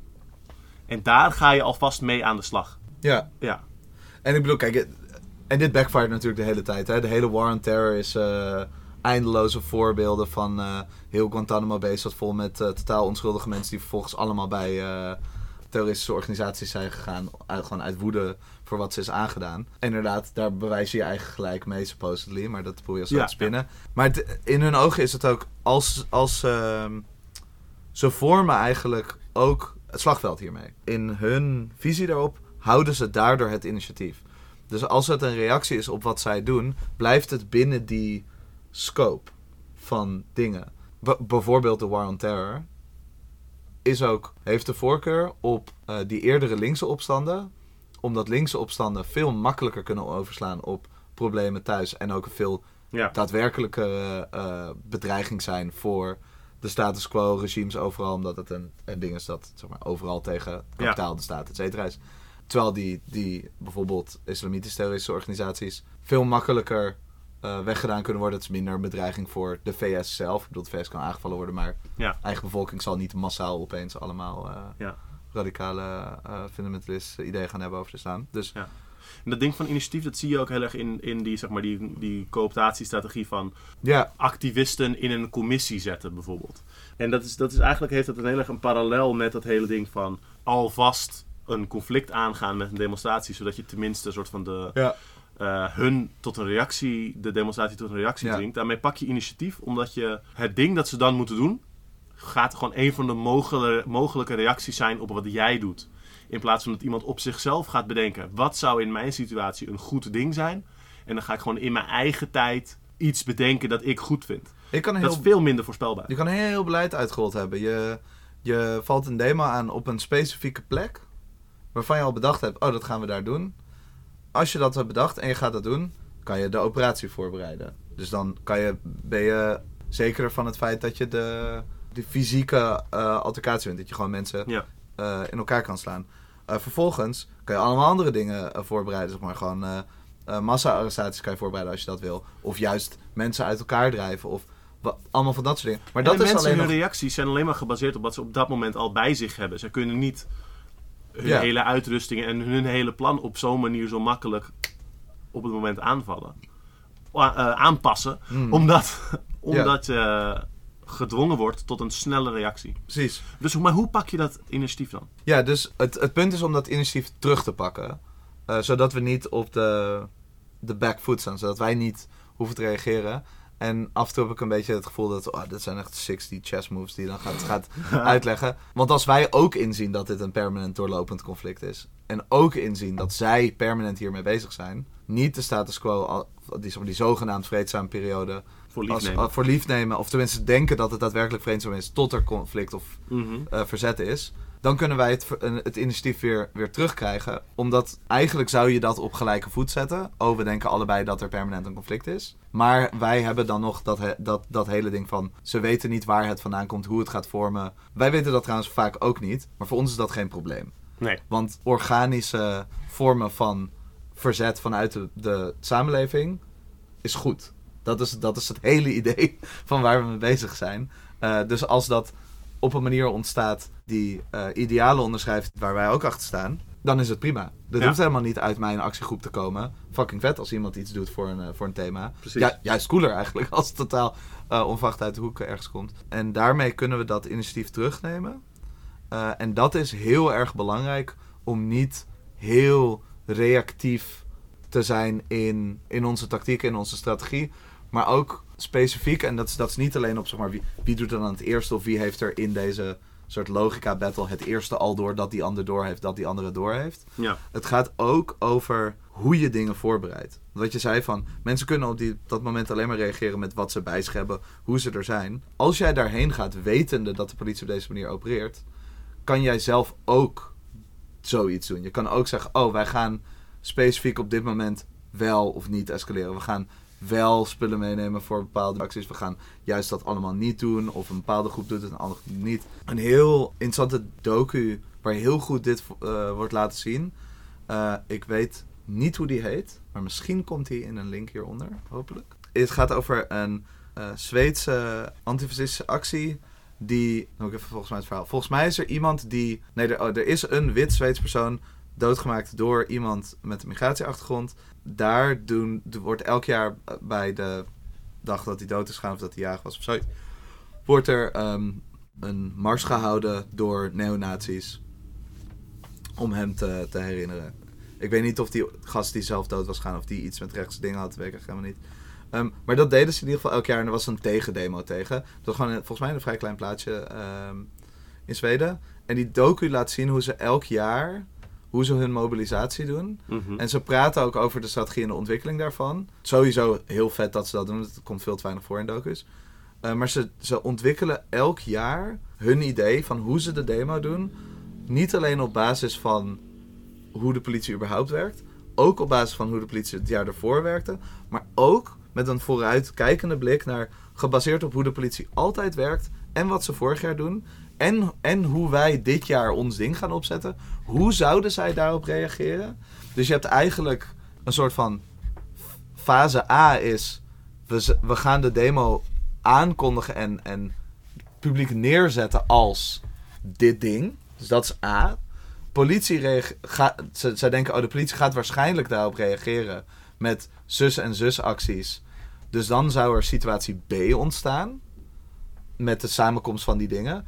Maar omdat wij weten dat dit gebeurt, gaan wij stiekem en in het geheim en, de- en door slim te spelen, gaan wij het zo opzetten dat de politie eh, wat zij doen misloopt en er dus situatie C ontstaat wat wel ons goed uitkomt. Ja, want misschien is het een En goede... je, je, ja, je ziet het gewoon concreet. Ik denk, zeg maar, volgens mij is het vijf of zes jaar dat ze zeg maar elk jaar zo laten zien. Maar het laatste jaar is gewoon heel vet. Ga ik gewoon al le- lekker de, de spoiler weggeven. Het is toch een docu. Ze doen dit en elk jaar groeit de repressie. En eh, het eerste jaar dus gewoon een normale demo. Het- Volgens mij het tweede of derde jaar is het een militante demo los. En een grotere, eh, fluffy, eh, toegankelijke demo verderop of in een grote stad. Dan hebben ze een, een jaar waarbij ze bepaalde vervoersmiddelen wel of niet kunnen gebruiken. Omdat treinen volgens mij doorzocht werden of wat dan ook. En dan kondigen ze aan te verzamelen bij een treinstation. Maar dan zijn ze bij een ander treinstation. Nou allemaal van dat soort dingen. Tot het een van de laatste jaren. Dan is de politierepressie zo heftig. Dat ze gewoon permanent. De, het militant gedeelte van de demo. permanent geëscort wordt door een soort muur van ME. Om ze heen. De politie probeert die militante mensen natuurlijk zo ver mogelijk weg te houden van de eh nazi's. Als kan. Want, want die waren op conflict met elkaar uit. En de politie wil dat voorkomen. en wat ze dan doen. Is dan kondigen ze een demo aan. Die eh, vrij ver weg begint van de nazi's al. En gewoon de andere kant op loopt. Letterlijk gewoon een bos in. En de politie en de autoriteit zo van... Oh, oké, nou dat... Sure, dat klinkt goed voor ons. Eh, en de politie is eigenlijk veel meer bezig met het controleren van die groep... dan eigenlijk nog het conflict. En het heeft ook... Zeg maar, voor de, voor de mensen die naar de demo gaan wel. Maar het lijkt bijna niks meer te maken te hebben met die originele nazi-demo. Het is een soort van eigen dynamiek gaan krijgen... omdat de politie zo gefocust is op die linkse demo... En eh, dan, dan lopen ze het bos in en het, het idee daarbij is... we moeten gewoon de politie soort van aan ons vastbinden, zo lang mogelijk. Want dan kunnen ze de andere mensen die iets anders gaan doen... maar niet hier bij betrokken zijn... eh, daar kunnen ze dan niks meer mee. Dus we gaan gewoon vet veel politie bezighouden met, met nonsens. Ja. Ehm, zij lopen een bos in. En midden in dat bos, gaan ze gewoon, gewoon op, een, eh, op een weg aan het lopen zijn daar... schiet er een vuurpijl de lucht in. En de politie kijkt zich heen, wat de fuck gebeurt daar? Die knalt en dat is het zijn. En iedereen rent gewoon het bos in. Het is gewoon, wel honderden of duizenden mensen rennen gewoon allemaal in- als individuen of als kleine groepjes het bos in. Iets waar de politie niks mee kan, want die wil mensen bij elkaar houden, kettelen. En dit is onhoudbaar. Want je kan niet al deze mensen kettelen. Het is ook een, een- kettelen in steden is veel makkelijker dan op het platteland of in, in bossen en zo. En de politie kan ze ook niet nagaan. Want je kan niet gewoon een fucking bos inrennen. Eh, want dit, is ook een demo die zeg maar zich verzet tegen politie en, en, en echt zeg maar terugvecht. Dus. Maar dan kan je gewoon niet achteraan lopen. Want zeg maar, de politie, eh, het zijn mensen die zeg maar echt eh, actief verzet bieden. Die, die kunnen niet zomaar dat bos in, inlopen. En daardoor wordt de politie zo lang bezig gehouden. Omdat ze gewoon totale paniek zijn over... Wat de fuck gaan deze mensen doen in dat bos? Maar ze, in dat bos ge- gebeurde gewoon heel weinig. Omdat ze zo ver weg waren. Maar dat was om al de politie bezig te houden. Terwijl een andere actie ergens anders gebeurde. Ja, ja, ja. Ehm nou, beetje lang verhaal. Kijk die demo alsnog. Ook al heb je dit al gehoord. Of eh, die docu. Maar dus bedenk, wat voor soort reactie kun je gaan krijgen en hoe kun je daar al op voorhand iets, iets anders in gaan bedenken. Ja, dus, je, dus het is belangrijk om die bewustzijn te incorporeren in je organiseren. Wat ook heel belangrijk is, en een van de manieren die we al eerder hebben genoemd, is die verdeel- en heerstactieken. Dat is namelijk om steun te ondermijnen, maar ook om, om specifiek actieve onderdelen van bewegingen tegen elkaar uit te spelen. Interne frustratie en intern soort van extra werk aan, aan daaraan werken maken, et cetera. Ja, en een hele bekende versie daarvan, politie in Nederland heel veel gebruikt, is een soort wicht proberen te drijven tussen radicale en gematigde, of soms wordt het de rationele kant genoemd door, door de politie. Het is voor, voor ons belangrijk om in te zien dat dat soort delen van een beweging elkaar nodig hebben. Alles is sowieso altijd een spectrum waarin niet iedereen op hetzelfde plekje staat qua hoe, hoe soort van radicaal of gematigd of militant of niet, ja. wat dan ook je staat. En daar gaat het ook niet om. Het gaat erom als er dingen zijn waarbij wij elkaar kunnen en willen supporten en als we dezelfde doelen nastreven, zolang het niet gaat om zeg maar echt totaal verschillende groepen die niks met elkaar te maken hebben, is het belangrijk om elkaar daarbij te helpen om in ieder geval niet uitgespeeld te laten worden. Ja, Er, er is een heel be- bekend ding van eh, st- statements over eh, acties van andere dingen. ja, En gewoon een heel makkelijk ding daarin is, als jij niet jouw actie is, zeg er dan niks over. nee. Als je niet iets positiefs te zeggen hebt, kan je beter je mond houden. Ja. Je kan wel binnen de beweging op bijeenkomsten, discussies, wat dan ook, kritiek hebben, reflecteren. Misschien in een, een blad binnen de beweging of in een zin die Mhm. eh, in sociale centra of zo circuleert. Kan je natuurlijk kritisch op elkaar zijn. En je hoeft, je hoeft niet altijd je mond te houden. Of als je denkt van, oh, dit was echt een, echt een fout of dit, is, dit, dit zou echt beter kunnen gaan. Tuurlijk, het is ook belangrijk om daar te reflecteren. Maar het gaat meer om zeg maar, publieke statements naar de media toe. Of echt het afvallen of het van distancieren nemen. en Ja, afstand nemen. Ja. Waar niemand iets bij wint. Want ook de mensen die afstand nemen, winnen hier nooit iets mee. Die, zeg maar, ze worden leuker gevonden door autoriteiten. Maar dat, dat, dat is niet echt winnen. Ja. En, Dus het, het moet belangrijk om het, de, de waarde te zien van die, van die breedheid. En dat, dat ook te communiceren. Zodat je ziet, oké, ook als jij dit niet wil, niet wil doen.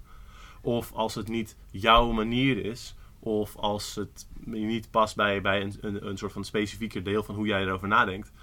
Dan kan dat naast elkaar bestaan en elkaar versterken. En dat, dat besef uitdragen is voor dit soort dingen heel, heel belangrijk. Om dus, om dus dat te, te voorkomen eigenlijk. En in eh, revolutionaire veelheid zeggen we hier wel meer, meer ook over. Over wat, wat die kracht in die diversiteit is. En het is, het vooral van belang omdat... We, we gaven eerder wat, wat voorbeelden van... Ah, je kan dan twee demo's doen. Van een militant demo en een toegankelijk demo, whatever. Dit soort dingen worden ook extra belangrijk. Want je, je kan die twee acties kunnen door dezelfde mensen georganiseerd worden. Of gewoon volledig los. Eh, maar het wordt pas belangrijk als je op momenten komt... waar je in dezelfde plek moet bewegen. Als je naar sociale centra gaat... of er wel één grote demo is waar beide groepen aanwezig zijn op dat soort momenten zal, zal de politie altijd veel meer druk leggen om mensen om afstand te nemen van de, de radicale elementen of de krakers of wat dan ook. En, en zullen er altijd heel erg geschermd worden met, oh, als die mensen naar jouw demo komen, dan gaan wij jou de vergunning niet meer geven of bla bla. En het is op dat soort momenten, eigenlijk ben je al te laat als je dan daarmee begint. Je moet al, al veel langer bezig zijn met het sociale werk van die, die banden onderhouden, het ver- verspreiden van het ideegoed van diversiteit van tactieken, van elkaars methode respecteren. Je hoeft het er niet mee eens te zijn, maar iemand anders doet iets anders. Ik denk dat petities eh, totaal nutteloos zijn, persoonlijk.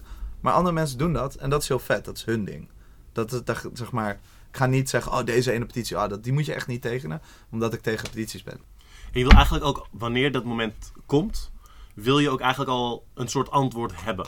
Dat je al weet van dit is hoe we antwoord eh, geven op zoiets. Wanneer, Klopt. En, wanneer en- er gezegd gaat worden, ja nee, maar, maar deze mensen die gaan altijd voor problemen zorgen. Dus daar moeten we alvast iets mee. En dat is gewoon voor jouw belang ook in de openbare orde. Ja. Dat je alvast een antwoord hebt van nee, wij horen bij elkaar. En wil je, eh, bijvoorbeeld, hè, Ja. nee, wij horen bij elkaar. En dit wat je, wat je nu daar doet, dat, dat kan niet. Dat, dat is tegen de, de- tegen de actie. Eh, Het is gewoon deel van het protest en dat hoort er gewoon bij. ja, of de yes will look into it. Dat kan Ja, ook. ja, ja. kan ook zeggen, oh ja, ja, nee, gaan we echt naar kijken. Eh, echt en, naar dan, en dan, dan niet doen. Dat, Ja, dat is wel een belangrijke... Nee, Ja. en, maar voor dit soort dingen is het dus ook heel belangrijk, ook nog heel veel, is dat, er, eh, dat je communicatiekanalen hebt tussen dat soort verschillende groepen. Zowel soort van officiële varianten, dus dat je echt tussen organisaties of tussen dingen eh, kan communiceren, maar ook dat gewoon individuen die actief zijn hierin elkaar kennen. Want dat soort vertrouwensbanden Ja. zijn ontzettend belangrijk om dit soort verdeel en heers te voorkomen. Als iemand zegt, oh ja, maar die groep die gaat dingen verstoren of die gaat dit en dit doen en bla bla. Als jij iemand uit die groep kent en die gewoon kan a- aanspreken, of, of je weet gewoon van, ah ja, nou die, die mensen zijn misschien radicaal, maar dat gaat prima. Of ik vind het prima als ze dingen verstoren. Either way, als je die persoon kent, is het veel makkelijker om of al in te kunnen schatten wat er gaat gebeuren en, en niet te hoeven luisteren, maar ook om gewoon een open gesprek met die persoon te hebben. eh, om te kijken hoe je, hoe je eruit kan komen. Dan is de drempel veel lager. Ja. ja, ja, precies. En dat is ook dit, dat ding dus van die, van die bruggen, bruggen bouwen, die solidariteit. Dat, dat is denk ik ook op zichzelf wel de moeite waard om nog te noemen zo, eh, zo richting het einde. Om dus inderdaad het besef te hebben dat de politieke beweging is, is altijd breder dan wat voor, wat voor groepje of wat voor ding jij bij zit. En om proberen te zorgen dat er, dat er iets is waarmee er soort van onderlinge contacten zijn met anderen die ook bezig zijn met shit. Zodat je dit kan doen. En nog veel breder ook om daadwerkelijk een, een verband te hebben met gewoon mensen, met een deel van de bevolking. En daarin kun je zeggen, nou, we, zijn, we proberen deze drie groepen daar soort van ons te, daar te, een, een, een band mee te hebben, daar aanwezig te zijn. Of eentje maar. Of dat na een tijdje uit te breiden, maar om daarmee in contact te staan. En het is heel makkelijk om heel veel soort van politiek en activistisch soort van actiewerk op je schouders te nemen. En daar helemaal aan onderdoor te gaan. En dan is het vaak soort van, ja, maar dan moet ik ook nog gewoon eh, een soort van bij gewone studenten bekend zijn. Om het studentenvoorbeeld bij te houden. Maar dat is juist heel belangrijk. Om ook bijvoorbeeld, weet ik veel, eh, contact hebben met mensen die nog niet zo politiek zijn.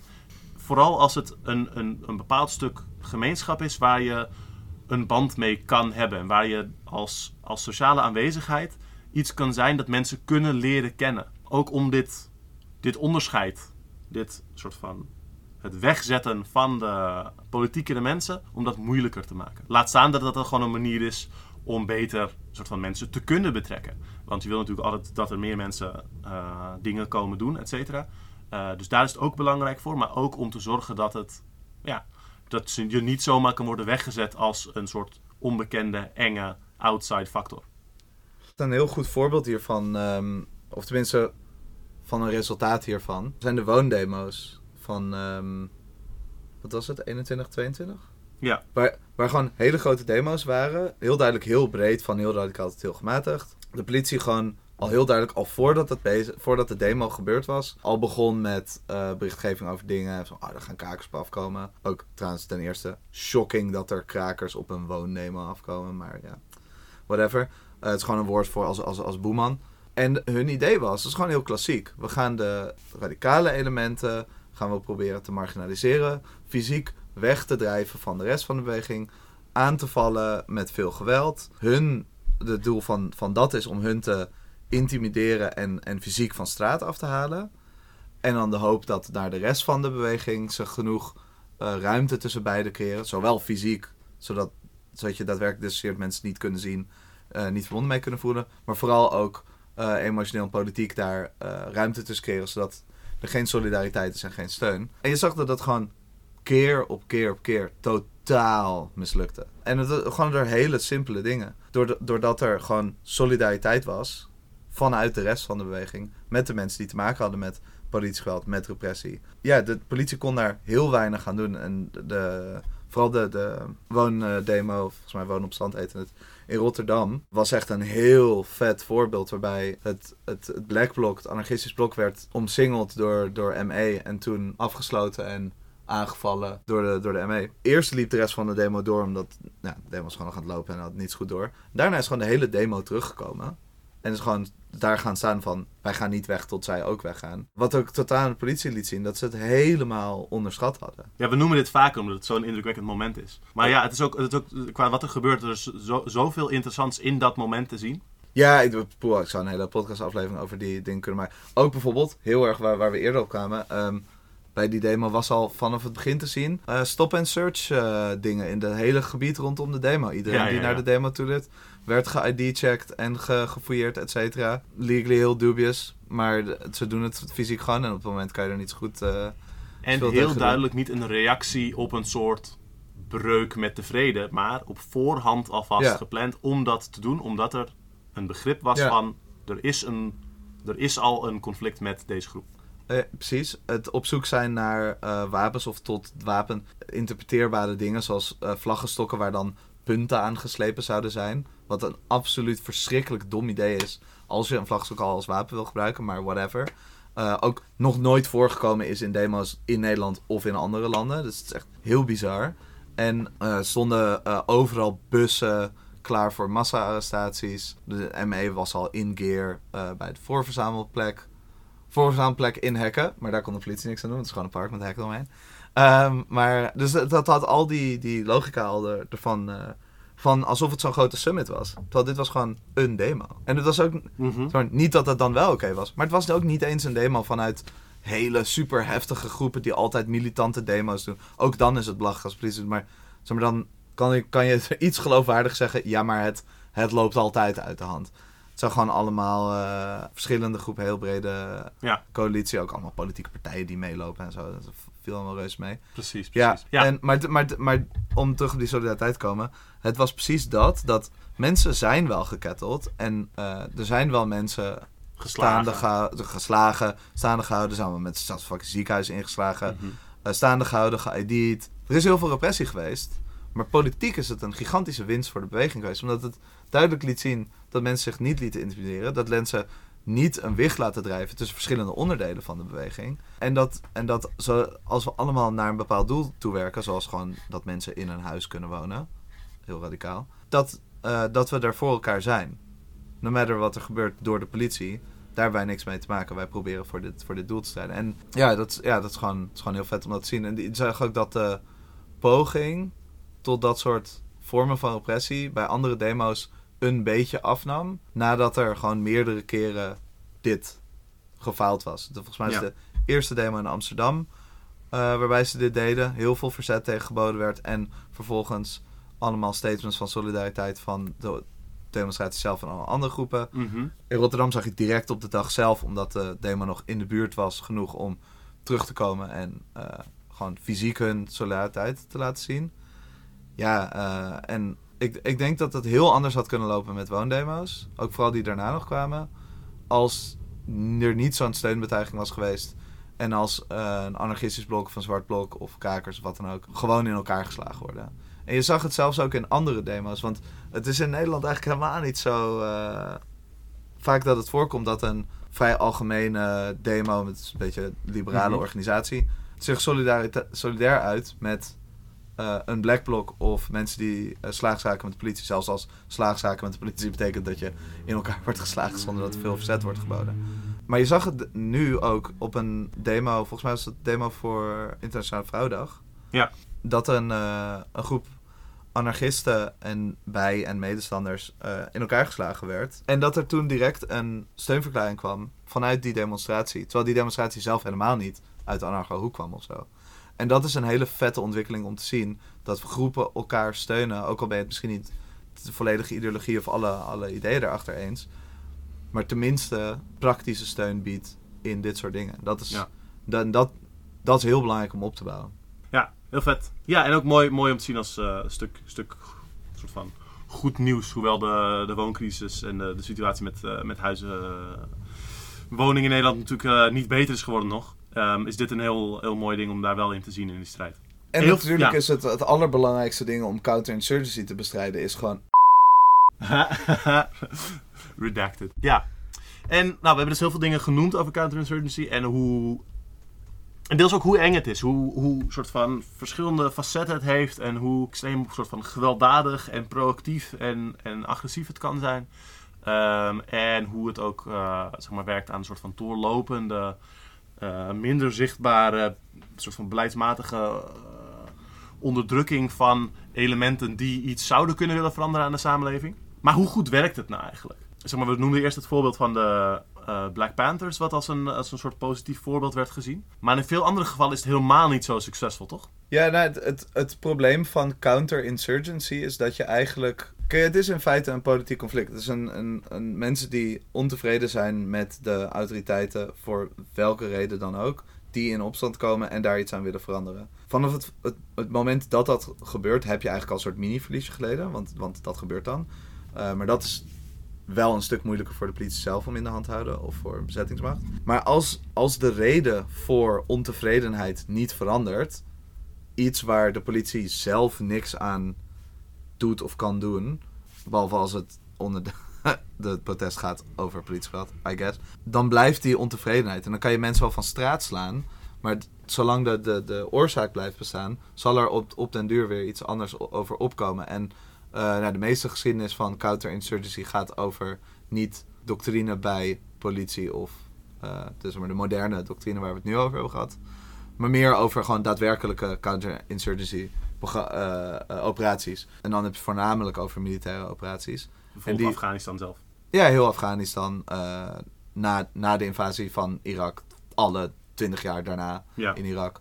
En het is eigenlijk bijna altijd een totale eh, faal, een totale mislukking. Het zijn, het, de de su- su- semi-successen die er vaak zijn, zijn vaak uitstellen van de inevitable. Van het onvermijdelijke. Ja, en een periode van heel veel onstabiliteit, chaos, geweld, conflict creëren voordat de omwenteling komt. En meestal wordt daardoor ook de omwenteling deels gevormd. Maar ja, echt ja, succesvolle operaties zijn de, de, de paar dingen die binnen eh, de wereld van militaire theoretici eh, gezien worden als succesvol, zijn vaak de, de meest meedogenloos gewelddadige versies. Waarvan je op een gegeven moment kan afvragen in welke hoedanigheid is het nog een soort van politieke overwinning op er is nu geen verzet meer mogelijk, want we hebben dat onmogelijk gemaakt? Of heb je gewoon een genocide gepleegd? Het, het neerslaan van de Black Panthers, al is het niet zozeer een genocide, kan je wel zien als een totale vernietiging van die gemeenschap. Omdat het dus gepaard ging ook met die, het creëren van die crack-epidemie. Wat echt een verschrikkelijke eh, eh, schade heeft opgeleverd aan de zwarte gemeenschap in de VS. Maar als je het echt hebt over dingen die aangehaald worden soms als succesvolle momenten van counterinsurgency, dan zijn het dingen die echt bijna aan genocide grenzen. Bijvoorbeeld, heel bizar, de Aceh-oorlog van eh, Nederland in een kolonie van Indonesië. Wer- werd wel in het verleden door militaire aangehaald als een vorm van succesvol of deels succesvolle counterinsurgency operatie.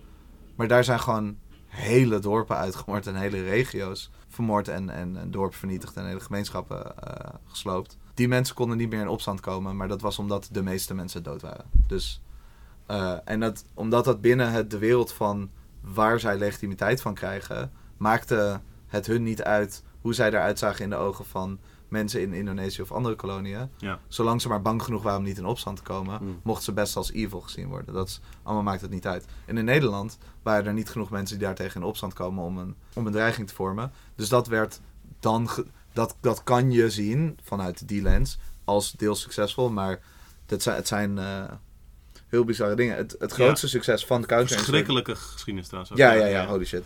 Ja. Maar, het, het, zeg maar het zijn, als je het hebt over successen, heb je het vaker over operaties die zorgen dat een conflict of nooit gebeurt, of, en dan is dat moeilijk zo van, Ja, ja. komt dat dan door wat we hebben gedaan of niet? Of door dingen die in conflict komen heel snel te bestrijden voordat het escaleert, waardoor je zelf ook niet met te veel geweld hoeft te gebruiken, waardoor het weer verder escaleert. Dus- maar ook maar- die voorbeelden zijn vrij zeldzaam. Want vaak, zelfs als dat succesvol is, popt het vaak een paar jaar later alsnog weer op. Als de onderliggende problemen niet gefixt zijn. En, en dat is eigenlijk een beetje in essentie het hele probleem van counterinsurgency. Is het is een militaire aanpak van een politiek probleem. Ja. De, de huidige doctrine van counterinsurgency probeert veel meer politieke eh, manieren van kijken en politiek erin te betrekken. Daarom zit ze ook heel erg met die public relations, media, beïnvloeden van de verschillende eh, organisaties en, en individuen in, in de protestbewegingen. Maar uiteindelijk blijft het een militaire aanpak.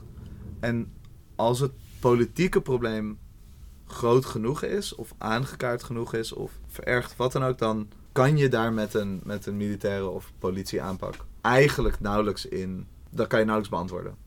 Dus hoe, hoe eng het ook, klinkt en hoe een soort van full spectrum, oh nee, al die dingen tegelijk, valt het in die dat opzicht soort van wel mee met hoe effectief het eigenlijk is.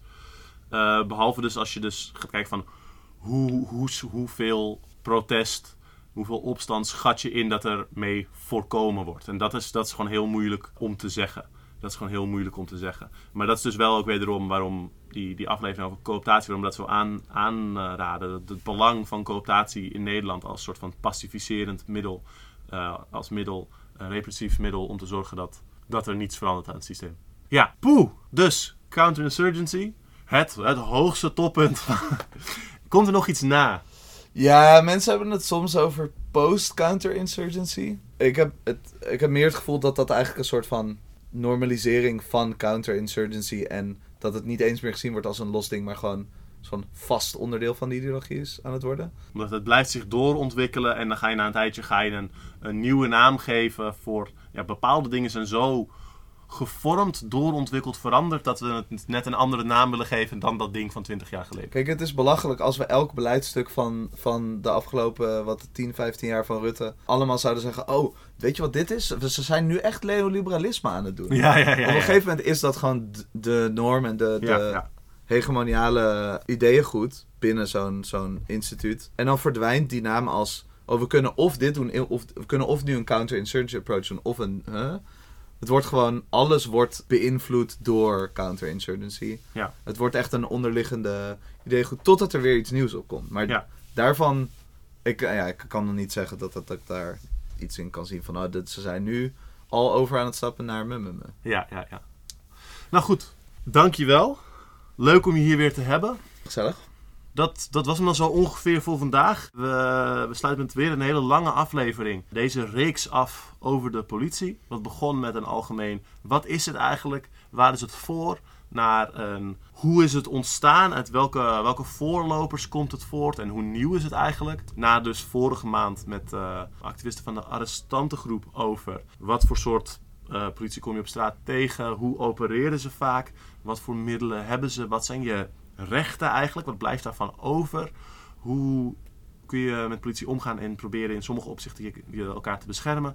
Naar nu deze laatste aflevering over dus counterinsurgency. Die doctrine die heel veel politiewerk informeert, verandert en, en uh, breder werkt aan een soort van de, de pacificering, preventie van, van protest en opstand. Um, ik hoop dat jullie het interessant hebben gevonden. Voor nu is onze serie dan afgerond. Maar er komen zeker gerelateerde afleveringen aan die meer kijken bijvoorbeeld op surveillance of inlichtingendiensten, et. Vraag me niet wanneer, uh, maar ik sta open voor alle tips, alle feedback. Ik hoor het allemaal graag. Hoe heb jij het gevonden? Ik vond het echt vet leuk. Ik vind het een heel interessant uh, onderwerp om over te praten. Ook iets waar eigenlijk veel te weinig over gesproken, geschreven, hmm. gediscussieerd wordt in, in beweging in Nederland. Vandaar ook vrij veel voorbeelden uit de VS en in de tekst zul je dat ook terugzien. Maar wel echt rete relevant. En ook het voorbeeld dat we aanhadden van die woondemo's. Hoe mogelijk het is om ervan te winnen. Dus laten we goed kijken hoe we dat kunnen doen en dat dan doen. Ja. ja. Um, en onthoud, als je denkt, ah oh, wauw, deze afleveringen zijn echt vet lang. Geef niet ons de schuld. Maar de smeres, dat zij zo moeilijk doen. Over fucking makkelijke dingen. Zoals huizen geven aan mensen die willen wonen. Eten aan mensen die honger hebben. Gewoon. Ja. Inderdaad, inderdaad. Inderdaad. Nee, wij hebben, hebben hele makkelijke antwoorden op die problemen. Zij maken het heel ingewikkeld. Oh, Dan moeten wij, er, moeten wij er weer een podcast over maken. Godverdomme. Juist, juist, juist. Drain the swamp, cut the red tape. Hartstikke bedankt. Hartstikke fijn. Heel veel plezier. Goeie maand. Ehm, deze aflevering komt natuurlijk uit op 1 mei. Dus hele fijne dag. En uh, voel je alsjeblieft gesterkt voor de strijd voor een betere, vrije, solidaire wereld. Dat was hem weer. Tot volgende maand.